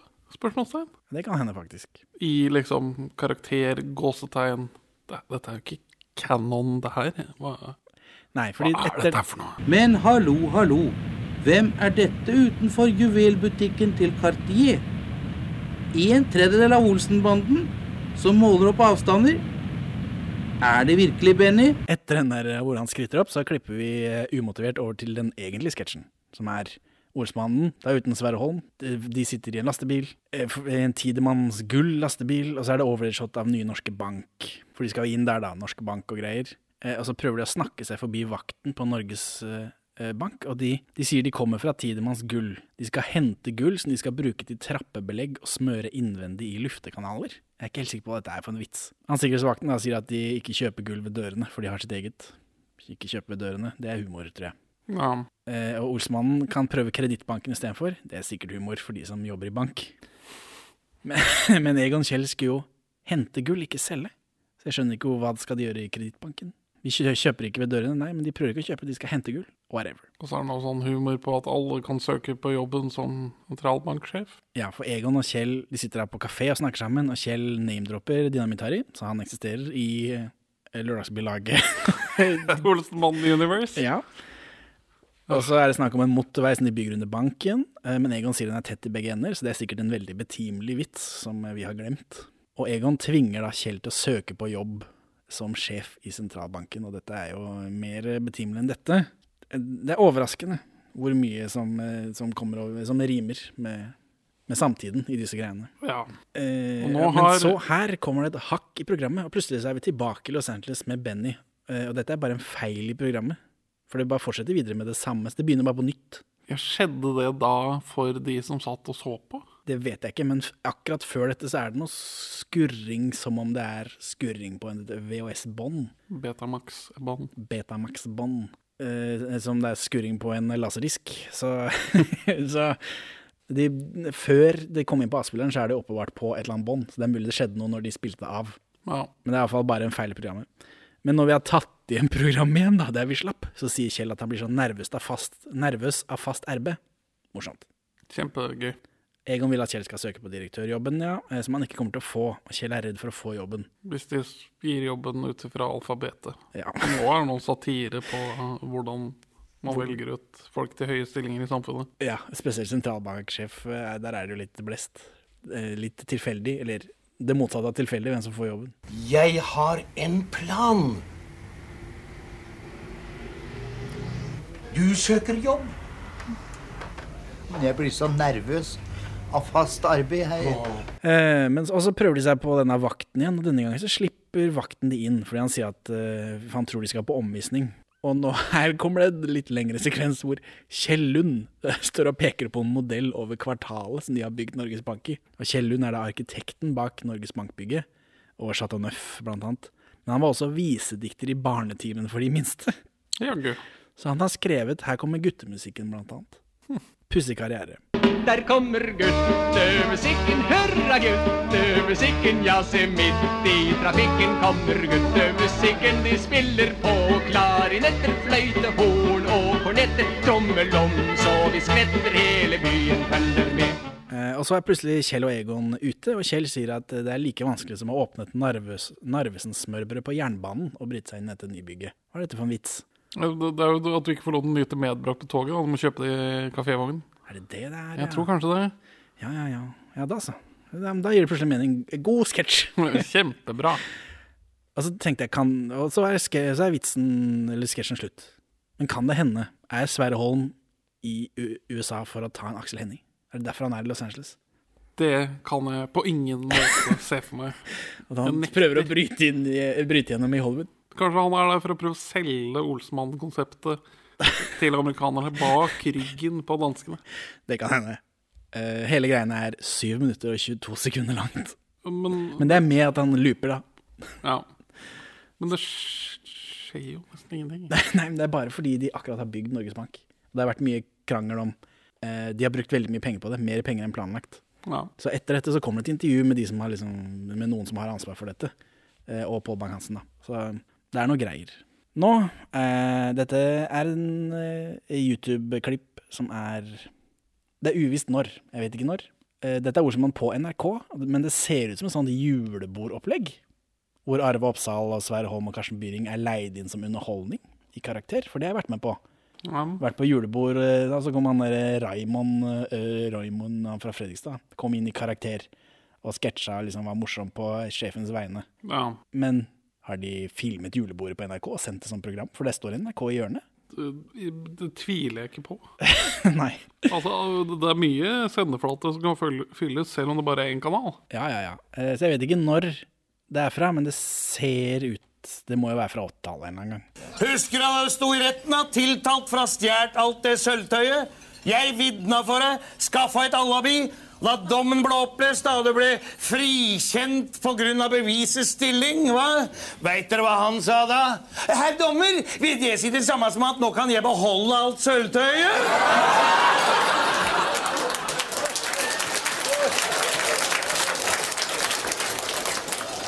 Susehue! Du, du har har du hørt om da ble stoppa fartskontrollen på Mosseveien? da? Nei. Politimannen kom bort til henne og så sa han, er du klar over at du har brutt fartsgrensen, sa han. Husker du hva han svarte da? Nei, jeg har ikke gjort det, jeg, sa han Kjell. Men jeg kjørte forbi tre stykker bak her som har gjort det, sa han. Å ja, du, du, du, du er ikke noe bedre. Du husker at du ble tatt av fartskontroll, da? Og, og, og konstabelen sa at du hadde kjørt i 100. Hva svarte han, Ja, da? jeg vet hva han svarte. jeg. Si 120, altså. Hvorfor det? Fordi at jeg har tenkt å få solgt denne vogna. Nå begynner du å slite tynt det derre samtykket mitt, Henning. Samtykke, ditt til å være med på denne episoden? Være Ja. med på denne podcasten generelt? Det ble vikar ut resten her. Men uh, sånn side note er, er siste gangen Kjell dukker opp utenfor filmene. Ja, det må jo bli det, da. Ja, For siste film før Kjells bortgang er 83 eller noe sånt? Oi, oi, oi. oi. Det er ni år. Han døde 94, eller? Ni- 92? Noe sånt. Det, det, tør jeg ikke å si. På 90-tallet en eller annen gang. Men dette, det vi så nå Folk sitter og spiser i mørket. Ja. For det er julebordstemning her. Ja. Eller folk sitter og spiser, og så går lyset, og så er det en lyskaster som leter rundt, og så kommer Olsenmannen inn og blir fanget i lyskasteren, og så tror de at de er arrestert, henda opp og sånt noe. Og så innså de at de har jo ennå ikke gjort noe gærent. Nei, og igjen så tror de at de har brutt seg inn i en bank, samme som hos Jon Skolmen. Eh, og så finner de ut at de er på TV, og Benny og, og Egon flotter seg mens Kjell vil rømme. Her kunne de jo gjenbrukt den uh, til Valborg, Ja. meg, for det var en god vits. Det var en Levert av et godt menneske. Men eh, det gjør de ikke, da. Og, og så går de opp på scenen, og Kjell er redd for TV-kameraene på Østbanen. Og det var noe sånn, uh, her var det mye TV-kameraer på Jons Kolmen også, at folk blir TV-våka. Og Egon sier at de må fengsle publikum, ellers så blir de fengslet selv. Akkurat som hos Jons Skolmen. Og så begynner, så begynner de å fortelle sånn kransekakevitser fram og tilbake, men de setter seg selv i situasjonene. Ja. Var, dette, var det humor, dette? Det er, det er, det bleitevitser eller tørre vitser, dette? Det er ræva vitser. Det er ikke morsomt. Altså, det er ikke bra. Det er gøy hvis du er på julebord og har litt innebords. Ja, det vet jeg òg. Men jeg er jo ikke noe innebords, og det er bare trist. Ja, men jeg, jeg er så fascinert. Jeg skjønner ikke hva er dette for et program. det forstår det ikke. Nei, det, jeg tror det bare er uh, Vi skal ha noe underholdning på julebordet. Hvorfor ikke fylle litt sendeflate i samme slengen? Ja, ja altså, det forundrer meg ikke. Uh, uh, Egon, helt på slutt da, slutten der sånn, så sier Egon at de skal gjøre et kupp, men ikke her. I så fall ville de blitt de første som fikk noe ut av norsk fjernsyn. Hva betyr det? At norsk fjernsyn ikke er direkte lønnsomt da, pga. dette statsmonopolet. Det er noe man putter penger inn i, ikke tar penger ut av. Ja, Så det er penger det er snakk om? Ja. For han blir ikke den første som får noe ut av eh, norsk fjernsyn generelt, av å se på norsk fjernsyn. Nei, nei, men det er jo i monetære verdier. Hele greiene er syv minutter og to sekunder. Ikke spesielt bra. Veldig dårlig. Denne historiefortellergreiene bryter veldig med karakterene. Ja, Og så er det jævlig ræva vitser, da. Eh, Ja, det hjelper jo heller ikke, men eh, det er begrensa hvor, eh, hvor røffe de får vært på dette julebordet som skal gå på TV. Olsmann er ikke så god på humor, da. Altså. Nei, det var det. Dette var uvisst når, men så går det noen år, og plutselig så har Gjensidige kjøpt rettighetene til å bruke Olsmann i reklamefilmer. Av Nordisk Film Production da, i 2014. Ja, så, så dette er siste gang vi du så Kjell i levende liv? Eh, Det jeg vet jo ikke når det siste klippet her er fra, men eh, det siste jeg kan bekrefte er jo eh, 1985, da, som er eh, den med lørdagsbilaget. Ja. Så i 2014 da blir denne reklamefilmen regissert av Mikkel Sandemose, han bak Askeladden-filmene, vet du, som du er så glad i. Ja. Denne Securitas-mannen som er med i filmen, er barnebarnet til Sverre Holm. Vi prøver å skape noe legitimitet her. Blodsbånd til det faktiske. Øystein Larsen, som er VFX Supervisor, er Visual Effects Technical Director, ESC, hva nå enn det er for noe, på Matrix Revolutions og Reloaded. Ja, så vi kan forvente oss å se Olsmannen i de òg. Det kommer jo en ny Matrix nå. Ja. Ja, så der regner jeg med Olsmann er med. Hør her, karer. Jeg har en plan. Alle tiders kupp. Kuppet over alle kupp. Suveren! Hva sier du nå, Kjell? Nei, jeg veit ikke. Må i hvert fall snakke med Valborg først. Hele overskuddet til Gjensidige befinner seg i kjelleren der borte. Kom igjen, karer. Ja, kom igjen da, Kjell! S, hva syns du? Jeg skjønner tanken. At det liksom skal være sjarmerende og rørende, vemodig, et eller annet å se de i vår moderne verden igjen. Men det er jo bare frastøtende likskjending. Fra ende til annen. Folk liker ordsmannen, har gjensidig tenkt. Og så graver de opp likene, da. Og, Ja. og stiller de rundt omkring De- i det de- nye Oslo sentrum. De fører et eller annet opp i de råtne rektumene deres og får marionettene til å bevege seg.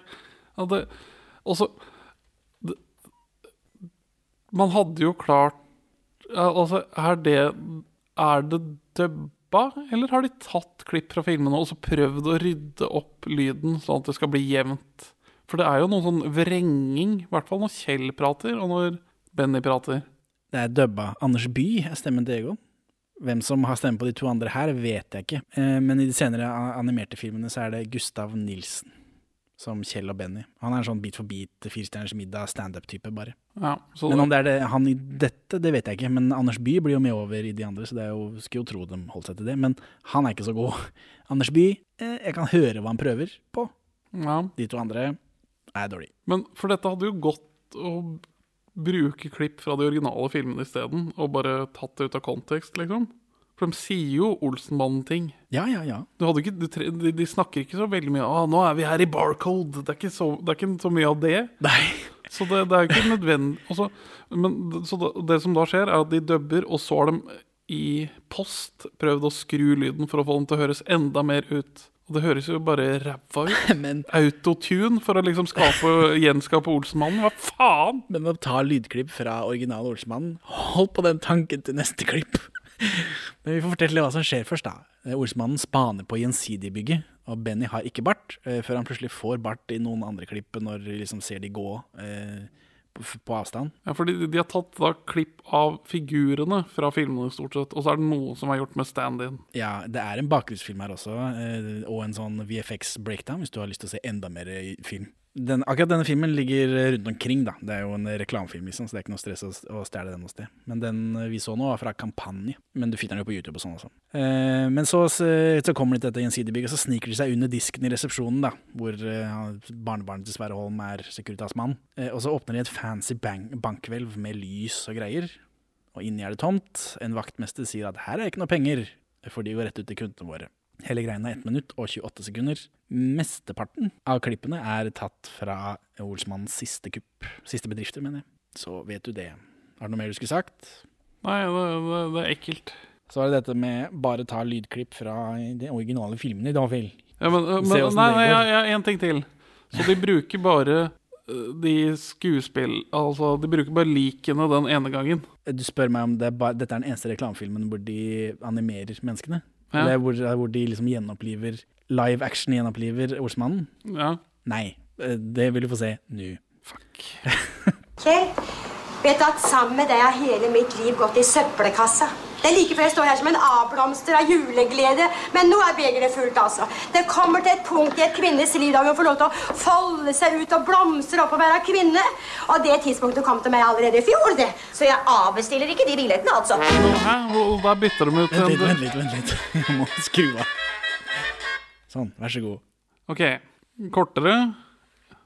Like ekkelt. Men så her bruker de klipp fra de originale filmene. De gjør ikke det i det hele tatt i den forrige. Er du helt sikker på det? Jo, altså lydklipp, tenker du på? Ja. Eh, ikke som jeg vet om. Altså, det er ikke vanskelig å finne klipp av Benny som sier helmaks, men det var jo ikke klipp av Benny som sa helmaks. Nei, men noen steder kan det ha vært originelt der òg. Ja, Altså. det er fullt mulig. Det har jeg ikke Ja, for, for her har de full oversikt over. Her har de noe originelt. Dette er omtrent en hel scene fra Olsmannens siste bedrifter. Der Ja. hvor Valborg har så fint hår, som vi reagerte på, at hun var så flott. Men så er det noen ting som er gjensidige basert. Og der, den dubben, den skjærer. Jeg aner ikke hvem det er. Hvem får pengene for at de bruker likenessen til Olsenbanen her? Jeg antar Nordisk Film. Det er jo Nordisk Film eh, Productions som de Ja. har kjøpt rettighetene. Ja, men de, disse kontraktene som tilsier at dere får lov til å bruke min likeness for evig og alltid, Jeg vet ikke det er jo ikke noe som dukker opp før det begynner å bli et problem. Typ når Grand Moff Tarkin er et lik i Rogue One. Ja, nettopp. Så jeg tror, jeg tror ikke Olsmann Jeg tror ikke det fantes noe. Jeg vet ikke. Jeg vet ikke, Fins det i Norge? Det må jo, må jo blitt litt spent i familiene, for det er jo, det er jo så frastøtende. Ja, for det, Her bruker de jo live action-trynet deres. Man skulle tro det, men Men jeg vet ikke. De bruker bare her, Akkurat den siste så bruker de bare klipp fra filmen, men i den andre så har de liksom klippet og limt og ordna veldig. Nå er, jeg dårlig medpodcaster. Hva syns du om dette? At eh, de har gjort det. Ja, for... Det gir meg det det er, jo på et teoretisk plan gøy. Ja. Eh, Etisk så er jeg egentlig ikke så nøye på det. Det er fordi jeg antar at bak så ligger det en prosess hvor folk er involvert. Men jeg vet jo ikke. Men jeg har jo ikke Barnebarnet til Sverre Holm er jo med i den ene filmen. Jeg har ikke sett noe i avisa av at folk eh, Aud Schønemanns datter er ute og sier fy faen, hva er dette for noe dritt? Hvor- Hvorfor har dere gjort dette med min mor? Ja. Jeg har ikke sett noe. Nei, de har jo blitt paid off, da. Ja, jeg antar det. Og da er det jo på en måte greit. Det er easy money for de ekle etterkommerne deres. Ja, men uh, folk i eh, kommentarfelt er ikke så fan av disse. Nei. men det er jo, uh, kommentarfeltfolk er jo uh, De skyter jo litt eldre, kanskje, enn Jeg ombestemmer meg på den setningen. Jeg vet ikke hvem disse filmene er for, jeg. Gamle Olsemannen med nye ting. Ja. Hvor, hvor, unge er, hvor unge hippe er de som følger med på gjensidig kundeutbytte? hvem er det de prøver å treffe? Jeg ser for meg at det er fra 30 og opp, da. Altså Den siste generasjonen som så Olsenmannen liksom på TV. Ja, for det kan hende de ikke bryr seg nok til å gå i kommentarfelt og klage. Men eh, sånn er det. I denne filmen vi akkurat har sett, så er vi utenfor leiligheten til Kjell og Valborg. Det er noen som skater, det er en elbil som kjører. Det er tydelig at dette er satt til nå om dagen. Og inne så er det egentlig Forgrunnen er bare den der ene sekvensen hvor, eh, hvor det kommer en tid hvor Valborg kan, må være kvinne, og den tida kom til henne allerede i fjor. Ja. Som er en morsom sekvens fra filmen. Men bakgrunnen er jo en fresha opp leilighet, da. Ja. Samtidig som den er full av dritt. Ja, men det er nye møbler og så sånn jævla tivoli-radio der. Så men masse, Valborg masser om at når det blir gjensidige-kunder, så skal de dra til Syden for kundeutbytte. Og der hvor de har liksom klippet inn den stemmen, det skjærer noe jævlig. Ja, det, det, det låter jo ikke bra. Altså det, Det er, det er rart at de har brukt så mye penger på det, og så ikke fått til det. Nei. Fins det ikke kom, eller sånn imitatører i Norge som faktisk får til dette, da? Det er jo kjente stemmer. Ja, Det burde ikke være helt umulig. Og det hadde vært bedre å ta bytte ut alt istedenfor å bytte ut den lille biten. For det er bare sånn Ja, nå skjærer det veldig, men var ikke det du kla kla klagde på i den andre, da? At de har bytta ut alt? At da blir det også ræva? Jeg vet ikke. Ja, men det er, det, det er den derre at de har prøvd å skru det til, sånn at du hører den autotune-vrengen. Altså Nå er jo jeg audiofil, aktiv lytter, podkast-produsent, så jeg kanskje reagerer jeg mer. Jeg hørte jo også i den forrige at det skalv i stemmen til Kjell. Det er sånn, at det er noe rart der. Men ja. Dette var i 2015 forresten, og den snutten der er 45 sekunder lang. Så er vi i 2016. Eh, Det var litt for mye jobb å drive og klippe og lime og sånn, så nå har de bare animert hele banden. Like greit. Eh, Og Anders Bye er Egon fortsatt, og Dynamitt-Harry. Mens Gustav Nilsen som sagt er Kjell og Benny. Eh, og så er det Kvisten Animasjon som har laget de, med regissør Rasmus Sivertsen. Og han har laget Kurt blir grusom, Flåklypa, Post Gurin, altså ikke Gurin, men det resten, det nye. Sånt noe. Knutsen og Ludvigsen, sånt noe. Knutsen og Ludvigsen er gøy, da. Vi prøver oss på gjensidige en gang til, men i helt ny stil. Er du sikker på dette, Egon? Anders Bye. Anders Bye, ja. Jeg og du, vi har en beef nå. Jeg utlyser herved en fatwa på Anders Bye. Og den ekle stemmen hans. For å ta oss som eh, reklamepublikum eh, fra det ene mediumet til det andre, så har Gjensidige laget en film som heter 'Gjensidige satser på animasjon'. Hvor de begynner da med slutten av den forrige reklamefilmen eh, hvor Egon, Egons oppgravde lik åpner denne fancy eh, safen. Og så tar de lyset. Og så får vi en voiceover som sier at de skal prøve seg på Gjensidige igjen, men i ny stil. Så kommer lyset på, og så er det blitt animerte. Og Benny og Kjell er sjokkerte over at de nå er animert. Hele greia er 31 sekunder lang. Danskene har jo drevet med animasjonsfilm. Eh, Olsemann-animasjonsfilm, På begynnelsen av 2010-tallet et sted, tror jeg. Ja, for det blir jo noe litt annet igjen, men jeg vet ikke hvor hardt ja, Jeg syns det, jeg synes det blir teit å tvinge på seg stemmene på et sånt rart vis, liksom. Stiliser karakterene heller enn å ja. Stilisere stemmene, tenker du på? Ja, Hvordan gjør man det, da? Jeg vet da faen, jeg. Nei. Nei, så du, du syns dette var bra? Du, liker, du er, gleder deg til å se Olsmannen animert som reklamekarakterer? Skal selge gjensidig kundeutbytte? Ja. 2016. Vi fortsetter videre. Det kommer flere klipp selvfølgelig i denne 2016-kampanjen. Raska på nå! Gjensidige betaler et utbytte om noen ganske få strakser. Å, men denne her sikringsboksen går ikke fortere! Neimen, jeg lada jo akkurat i fem minutter. Å, din tosk! Idiot! Dåsemikkel! Kålhue! Amatør! Yes, Neste film heter 'Alle inn i liten bil'. Du kjører en sånn buddy? Jeg kjører en bitte liten dritt-elbil, da. Og så kjapper de seg fordi Gjensidig skal betale ut utbytte, som er veldig viktig da. Og så stopper bilen fordi Benny hadde bare ladd i fem minutter.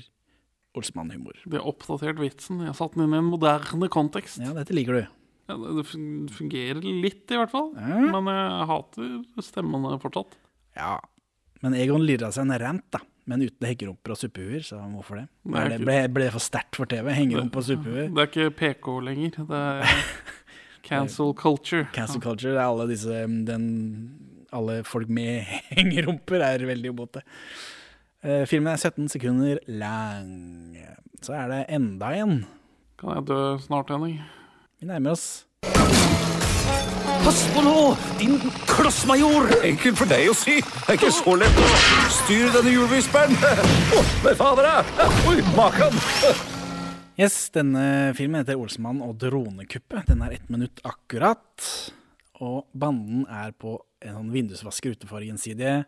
Benny kjører en drone med krok på inn gjennom vinduet eh, for å ta strømmen til utbytte-PC-en. Han knuser masse greier. Eh, Og så tar han strømmen på vindusvask-heis-PC-en istedenfor, og de detter ned. Humor. Hva syns du om dette? Det er stjålet konseptet mitt. ja, det Stjålet du, konseptet det må du utdype for podcastens lyttere, tror jeg. For mange år siden så startet jeg og Henning et prosjekt som jeg aldri fullførte. det høres kjent ut. Det kan være hva som helst. Eh, Olsenbanden The Gritty Reboot. Vi kommer vel aldri noe nærmere en tittel enn det. Nei, men det er jo bra nok, vel? Det er bare veldig mørk. Og nå, svenskene har jo gjennomført det, virker det som. Tror det. Men, eh, men uansett så er en av vitsene da For man det, hvis man skal lage Olsmann inn i vår moderne virkelighet, så må man jo oppdatere ting. Istedenfor Dynamitt-Harry, så hadde jeg konseptualisert karakteren Aerodynamikk-Harry. som da skulle bruke noe droneteknologi eller whatever i Kuppet. I kuppet. Hva syns du om denne filmen, da? Eller hva syns du om at eh, Har du noen tanker? Det, det som slår meg nå, er jo at hvor mye høyere enn Egon er Benny? Noe. Vet ikke. No, noe. det, det, karakterene er jo stilisert. Ja, men nå har de stilisert dem da mer i retning av de danske karakterene. Hvor altså, Nå er i hvert fall Egon like høy som Kjell, og så er Benny den ene høye. For Kanskje. Egon er jo høy og kraftig, mens karakteren han skal spille, skal være liten og sp- spinkel. Sant. Så det, det er det jeg noterer meg mest her. Ellers så er det bare en usjarmerende reklameimitasjon av Olsenmannen. Jeg syns Kjell er utrolig dårlig. Benny, det er jo ikke bra, men, Men driver jeg skjønner hva som skjer. Han, han driver og lirer av seg sånne forced, koselige Benny-jokes. Bare 'Jeg jeg klarer ikke å styre den her snurrevispen her'. jeg». Det blir liksom Jeg skjønner Jeg skjønner hva de prøver på, men siden det er for å selge et produkt, så blir jeg fiendtlig innstilt. Jeg hater reklame. I all dens former. Det eneste reklamen jeg liker, er sånne reklamefrie dager hvor det bare er sånne folk som ikke kan lage reklame, som lager reklame for gode formål. Ja, sånn det har vært nå i jula. Jeg har ikke TV, så jeg vet ikke. Nei, nei. Disse tre filmene vi snakka om nå sist, har jeg funnet på en kampanje igjen. da Uten at det har noe å si. Det er reklamefilmer, de er overalt. Hvor mange er det igjen? Hvor mange er det igjen? ikke tenk på det. Hvor mange er det igjen? Hvor mange er det igjen? Raska på, vi har ikke hele dagen. Kundeutbyttet til gjensidige utbetales om noen få minutter. Ja, ja, ja, dette fikser jeg, vet du. Haha, her er alt under kontroll. Vær så god her. Nå smeller det! Yes, da Nå er jeg blitt introdusert for Dynamitt-Harry i animert form. Se på han. Jeg prøver å finne det, jeg, jeg, jeg, jeg, begynner oppriktig å bli for sliten. Nei da, det det er ikke så mange igjen. Vi er jo, nå er jo snart i, i år. Dette er, det går kronologisk. Ja. Med unntak av et par klipp på slutten. Ikke tenk på det. Det blir god stemning. Nå blir vi introdusert for Dynamitt-Harry. Overraskende god Harald Heidsten noen steder. Ja. Stemmen til Anders Bye her, for det er han dette også. Ja. Han er jo en mer outrert type igjen, da, så det er kanskje lettere å lage en imitasjon som Kanskje. Dynamitt-Harry skal sprenge et hvelv, men det kommer bare en liten fis av denne dynamittkubben hans. Egon blir sinna, men så sprekker veggen opp og knuser banden i stedet. God lyddesign på den fisen. På den tre ganger på rad nå.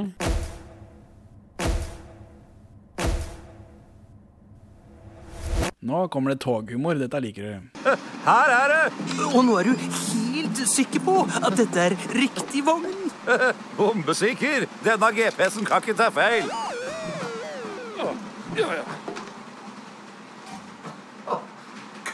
Karer, jeg tror jeg tråkka på noe mjukt.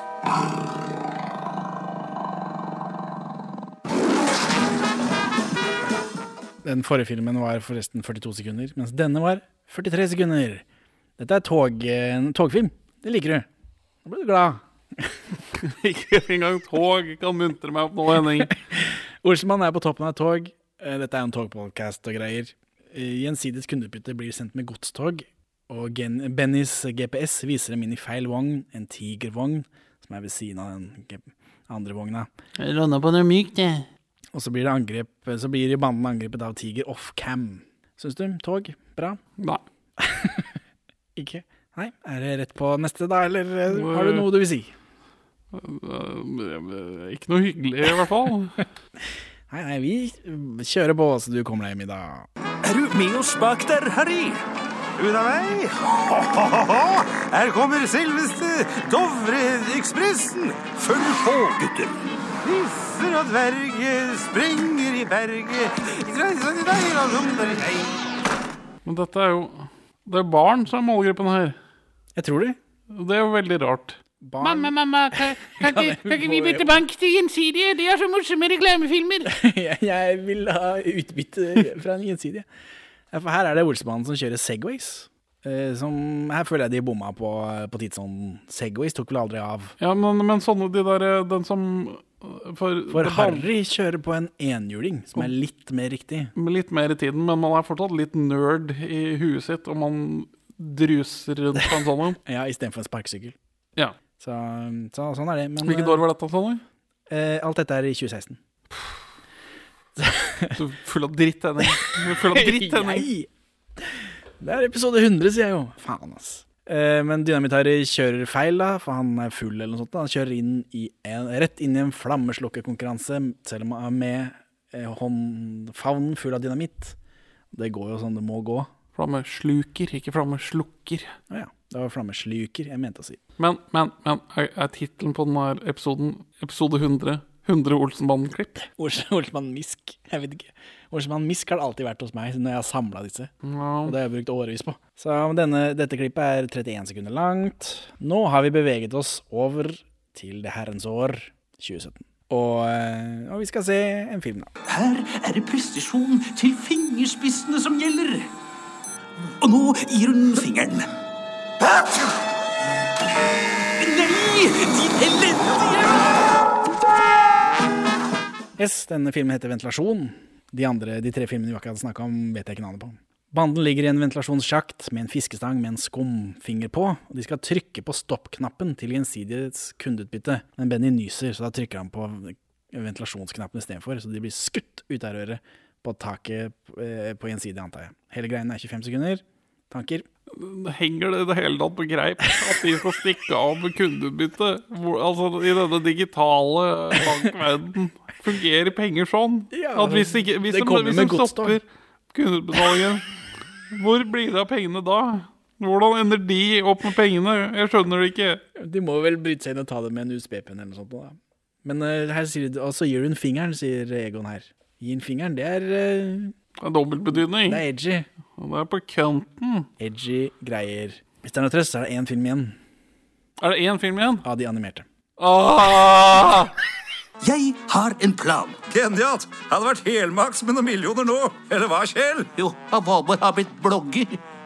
Millionærfrue.com. Og nå har jeg gitt meg ansvaret for å bli millionær. Hør nå her. Vi forsøker oss på gjensidiges kundeutbytte en gang til. Aksjon starter nå. Superhett, Egon!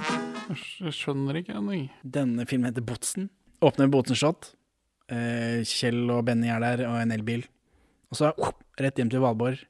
Eh, uten Valborg, da. Rett hjem til Kjell. Og Valborg har starta blogg, millionærfrue, så nå må Kjell bli millionær. That's the joke. 30 sekunder. Tanker? Nei. Nei. Jeg er negativ. Dette er dårlig. Jeg merker det, da. Men, men stemmene jeg- Jeg begynner å myke opp til dem, for nå føltes de litt mer sånn stilisert, og ikke bare sånne flate, sjelløse, kyniske imitasjoner. Så, men fatwaen er fortsatt ute på deg, Andersby. han, som, han med Benny og Kjell-stemmen har egentlig dialekt. Og det syns jeg jeg hørte i Benny nå. Ja. Så i 2019 så annonserer Gjensidige at de er ferdig med å voldta likene til Olsmannen etter fem lange år. Er det disse ordene du velger å bruke? ja, det står det i, presse, i presseskrivet. Eh, Men denne det, voldtekten inkluderer et spill med daglige pengepremier, hvor man skulle åpne en safe eller noe. Ja. Mobilspillopplegg. Jeg har ikke spilt spillet, og det er borte for lenge siden selvfølgelig, men jeg, det jeg tolker av Facebook-siden deres, er at det er noe sånt. Eh, Og de lager også et mobilspill av en eller annen grunn. En sidescroller med pixelgrafikk, som jeg fant et eksempel på.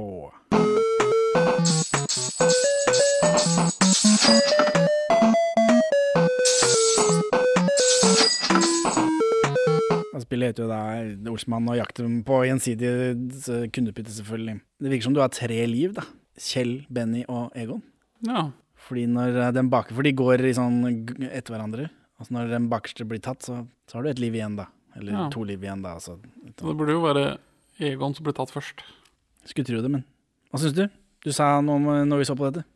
For dette er jo noe For dette føles Dette er jo såpass stilisert at det føles mer som en hyllest, mer enn utnyttelse. Det er, det, det, er, det er liksom mi- mitt førsteinntrykk av dette. Og, og Olsenmannen i sånn 16-bit sidescroller-spill, det, det, det er noe.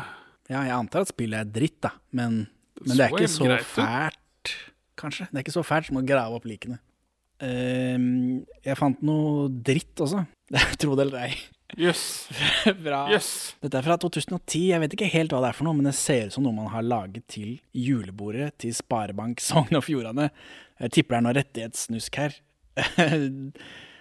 det, vi må bare se på det er det. ti minutter, så klikker jeg. Det er tre, tre minutter og 40 sekunder.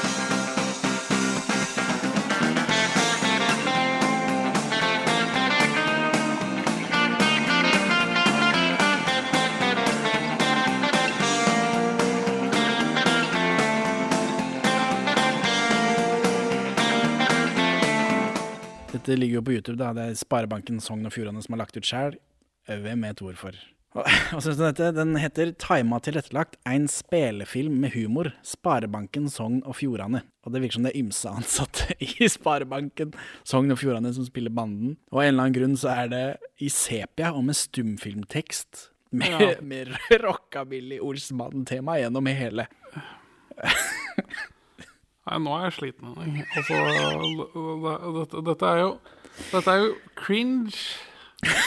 Dette er jo, dette er jo ikke altså Selv om de er dumme nok til å legge det på YouTube, så er jo dette ikke ment for å nytes av andre enn de som sitter på julebordet og må lide seg gjennom revynumrene. Er du sikker på det? Fordi, for dette er en reklame for nettbank. Er det reklame Er det for det? Når var det herfra, sa du? 2010? Eller, 2010? de sier jo det, det er jo det som er punchline, liksom. Nettbank er enkelt og greit for alle. Er det reklame for nettbank internt i Sparebanken Sogn og Fjordane? Ja, det henger jo ikke på greip. Nei. Men er det, har dette gått på TV? Lokal-TV, fins det? Ja, de, de gjorde det frem til det tidspunktet her, i hvert fall. Vil de sende noe som så helt tydelig er uh, opphavsrettsbrudd? Ja, den er for lang til det, da. Så den er bare ment for å deles på Facebook. Men det er for her eh, banden ikke brus av et kart, så går dere inn i Sparebanken Sogn og Fjordane, antar jeg, og vi ser kameramannen i speilet i heisdøra. Naturligvis. Egon får ikke opp safen, så de ringer Harry, som er drita. Hva syns du om Harry? Minner jo litt om det. Han har jo korrekt Brody-hjelm. Ja, det er egentlig det eneste som minner, spør meg. Harry drikker nitroglyserin og eksploderer i et ganske godt klipp, faktisk. Ja, men han så Den første gangen, men så gjør de det igjen, da, for, bare for å ødelegge. For da blir det dårligere. Ja, men altså, jeg, jeg trodde det var at den bomba på Eller jeg håpte kanskje i mitt hjertes hjerte at det var bomba på døra som gikk av og drepte dem. Oh, ja. Nei da. Eh, men så etter dette så sprenger han hull i veggen, og inne i hvelvet så sitter Valborg på en PC, fordi nettbank er mye lettere. Eh, det er mye lettere måte å få tak i penga sine på. Det er det. Banden klatrer ut gjennom hullet, og Dynamitt-Harry ser rett inn i kamera, gir OK-tegn, og så er det til sist så får vi se banden minus Valborg holde store kredittkort med bilder av seg selv på. Og alle disse tekstskivene er på dialekt, da, som er litt sånn slitsomt. Ja, men, men de har også bygd en kulissevegg som pga. sepiatonen ser helt greit ut. Ja, for du sa hm. Da tenkte jeg, nå er vi inne på noe. Er det du er Nei, dette, det, men dette er bare cringe. Dette er bare dritt. Faen, ass. Ja, men det er dritt. Ja. Det andre har varierende eh, kvaliteter, mens dette er bare dritt eh, fra en bank i Sogn og Fjordane. Og, men og alt er også feil. Klærne Egon har ikke bowlerhatt, Kjell har ikke jordmorveske.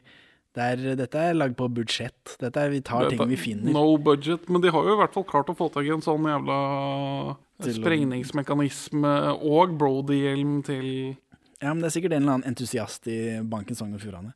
Ja. Altså sprengningsentusiast, ikke Olsmann-entusiast. Så dette var tre minutter og 40 sekunder av livet du aldri får tilbake. Nei, det, det er trist. Og så, Benjamin, har jeg vært og sett Olsmannens siste skrik på testvisning. Ja. Jeg har ikke noe klipp av har ikke, de truer jo med at ikke du har lov til å si noe heller. Nei, eh, og jeg har ennå ikke fått betalt for eh, statistjobben. Nei, ikke min kone heller. Nei. Jeg har fått det, men ikke like mye som vi ble enige om på dagen. Du har fått 1000 kroner og ikke 1500 som de har lovet. Det stemmer. Så, men jeg har sett filmen. Jeg vet ikke hva jeg jeg- De truer med at det ikke er lov til å si noe. Men han produsenten, når vi var statister, så sa han jo at vi har full pressefrihet og alt det greiene der sånn, selvfølgelig, men helst ikke si noe, for da ødelegger du. Ja. Og jeg skal jo ikke ødelegge noe som helst. Men jeg har tenkt å gjøre det, om jeg ikke får betalt. Jeg gjorde det for det var moro skyld, men dere sa også at jeg skulle få penger. Ja. Så, men det er jo spørsmålet, da. Og nå er jeg veldig sur på konseptet Olsenbanen etter disse 60 timene med 100 Olsenbanen-klipp. Men spørsmålet er jo da kan vi, Syns vi på film? Syns vi på film? Ja, for det har du spurt om, og så har ikke jeg svart på det. Og nå har du glemt alt sammen, for du er så sint. Ja, ja, ja men nå, ble, nå fikk jeg lys i sinnet mitt igjen. Ja, Syns vi på film, Benjamin? Syns vi på film? Spørsmålstegn. Alle sekvensene vi var med i, klippet ut. Det er helt utrolig hvor mye tid de kaster bort på dritt når de lager film. Ja. Helt utrolig. Ja. Men noe av oss er med. Noe av oss er med. Ja. Men ikke sånn ansikter og sånt?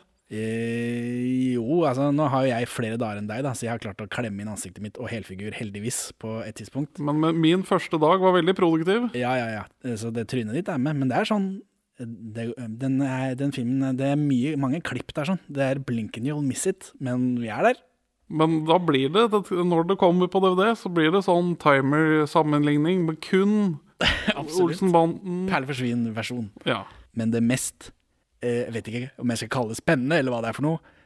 De sier perle forsvinn. Hæ?! ja!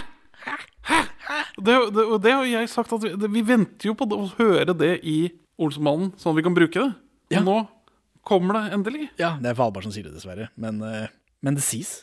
Det sies. Det må jo være Det er jo som å kaste perleforsvin. «Hæ? Hæ?» Jeg satt i salen der bare What? Så nå må jeg høre med han produsenten om det er min skyld. Det kan jo ikke være det. Nei, de visste jo ikke det at er- vi eksisterte når de skrev manus. Det er et bibeluttrykk. Jo, jo, men Føles litt for meant to be. Så når den filmen kommer, så, så da må vi gjøre om på introen vår. Eller altså, vi må bytte ut den eh, han, nyhetsoppleseren vi bare har stjålet Ja. med Valborg som sier det. Så det, det er kanskje det viktigste. Og så, Benjamin, det siste klippet i dag. Jeg tenkte vi skulle avslutte med noe hyggelig. 100 episoder og greier. Eh, Dette klippet er fra Amanda 1997. Den Norwaco-avtalen som hele tiden har eksistert, har jo gått opp til 96 ca.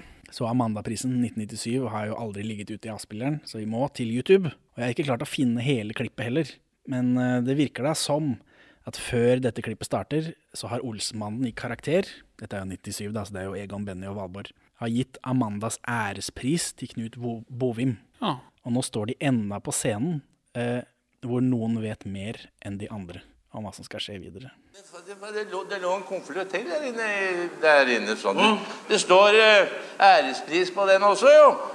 Én ærespris til? Ja. To ærespriser, altså? Den- Ja, ja. ja. Vi får ta og åpne den, så får vi se hva som står her. Nei, jeg tror de har klistra den inn på godt. Ja, den. Skal vi se.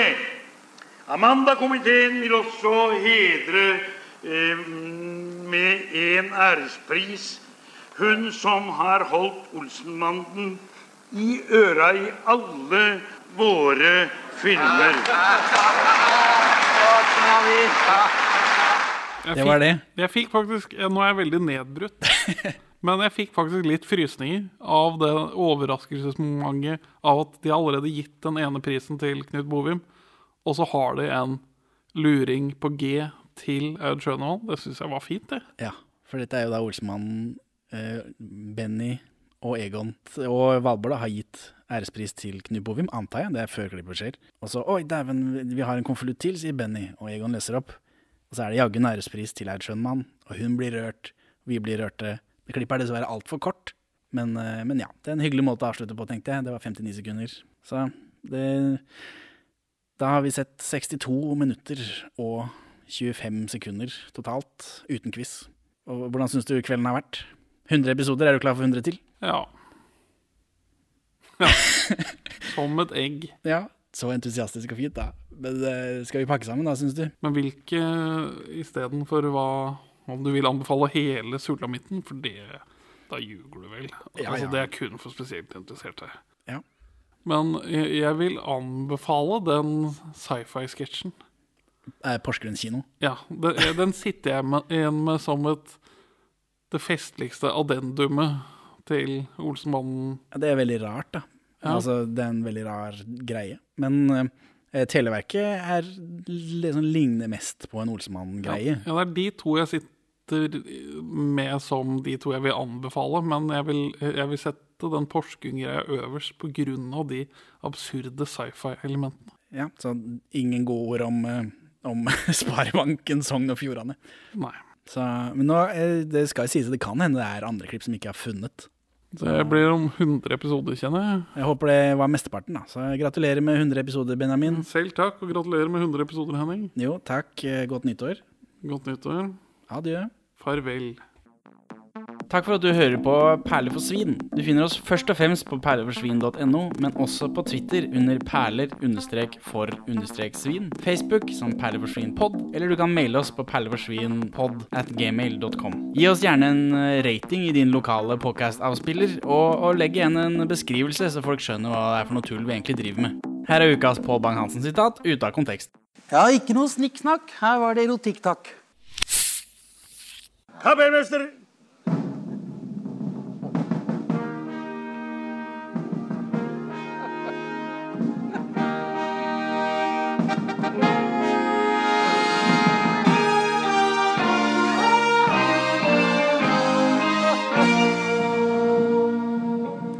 Jeg er smart. Og jeg er pen. Jeg har altfor tynne ben. Vi lever. Jeg har stil. Og en har bil. Jeg er koffert med dispril. Vi lever. Jeg har planer. Jeg har øl. Jeg har Valborgs ville brøl. Og sjenever. Vi er dømt å holde da. Vi ære skjelt i blad. Vi lever. For Nygon skal vi slåss så lenge det går blod igjennom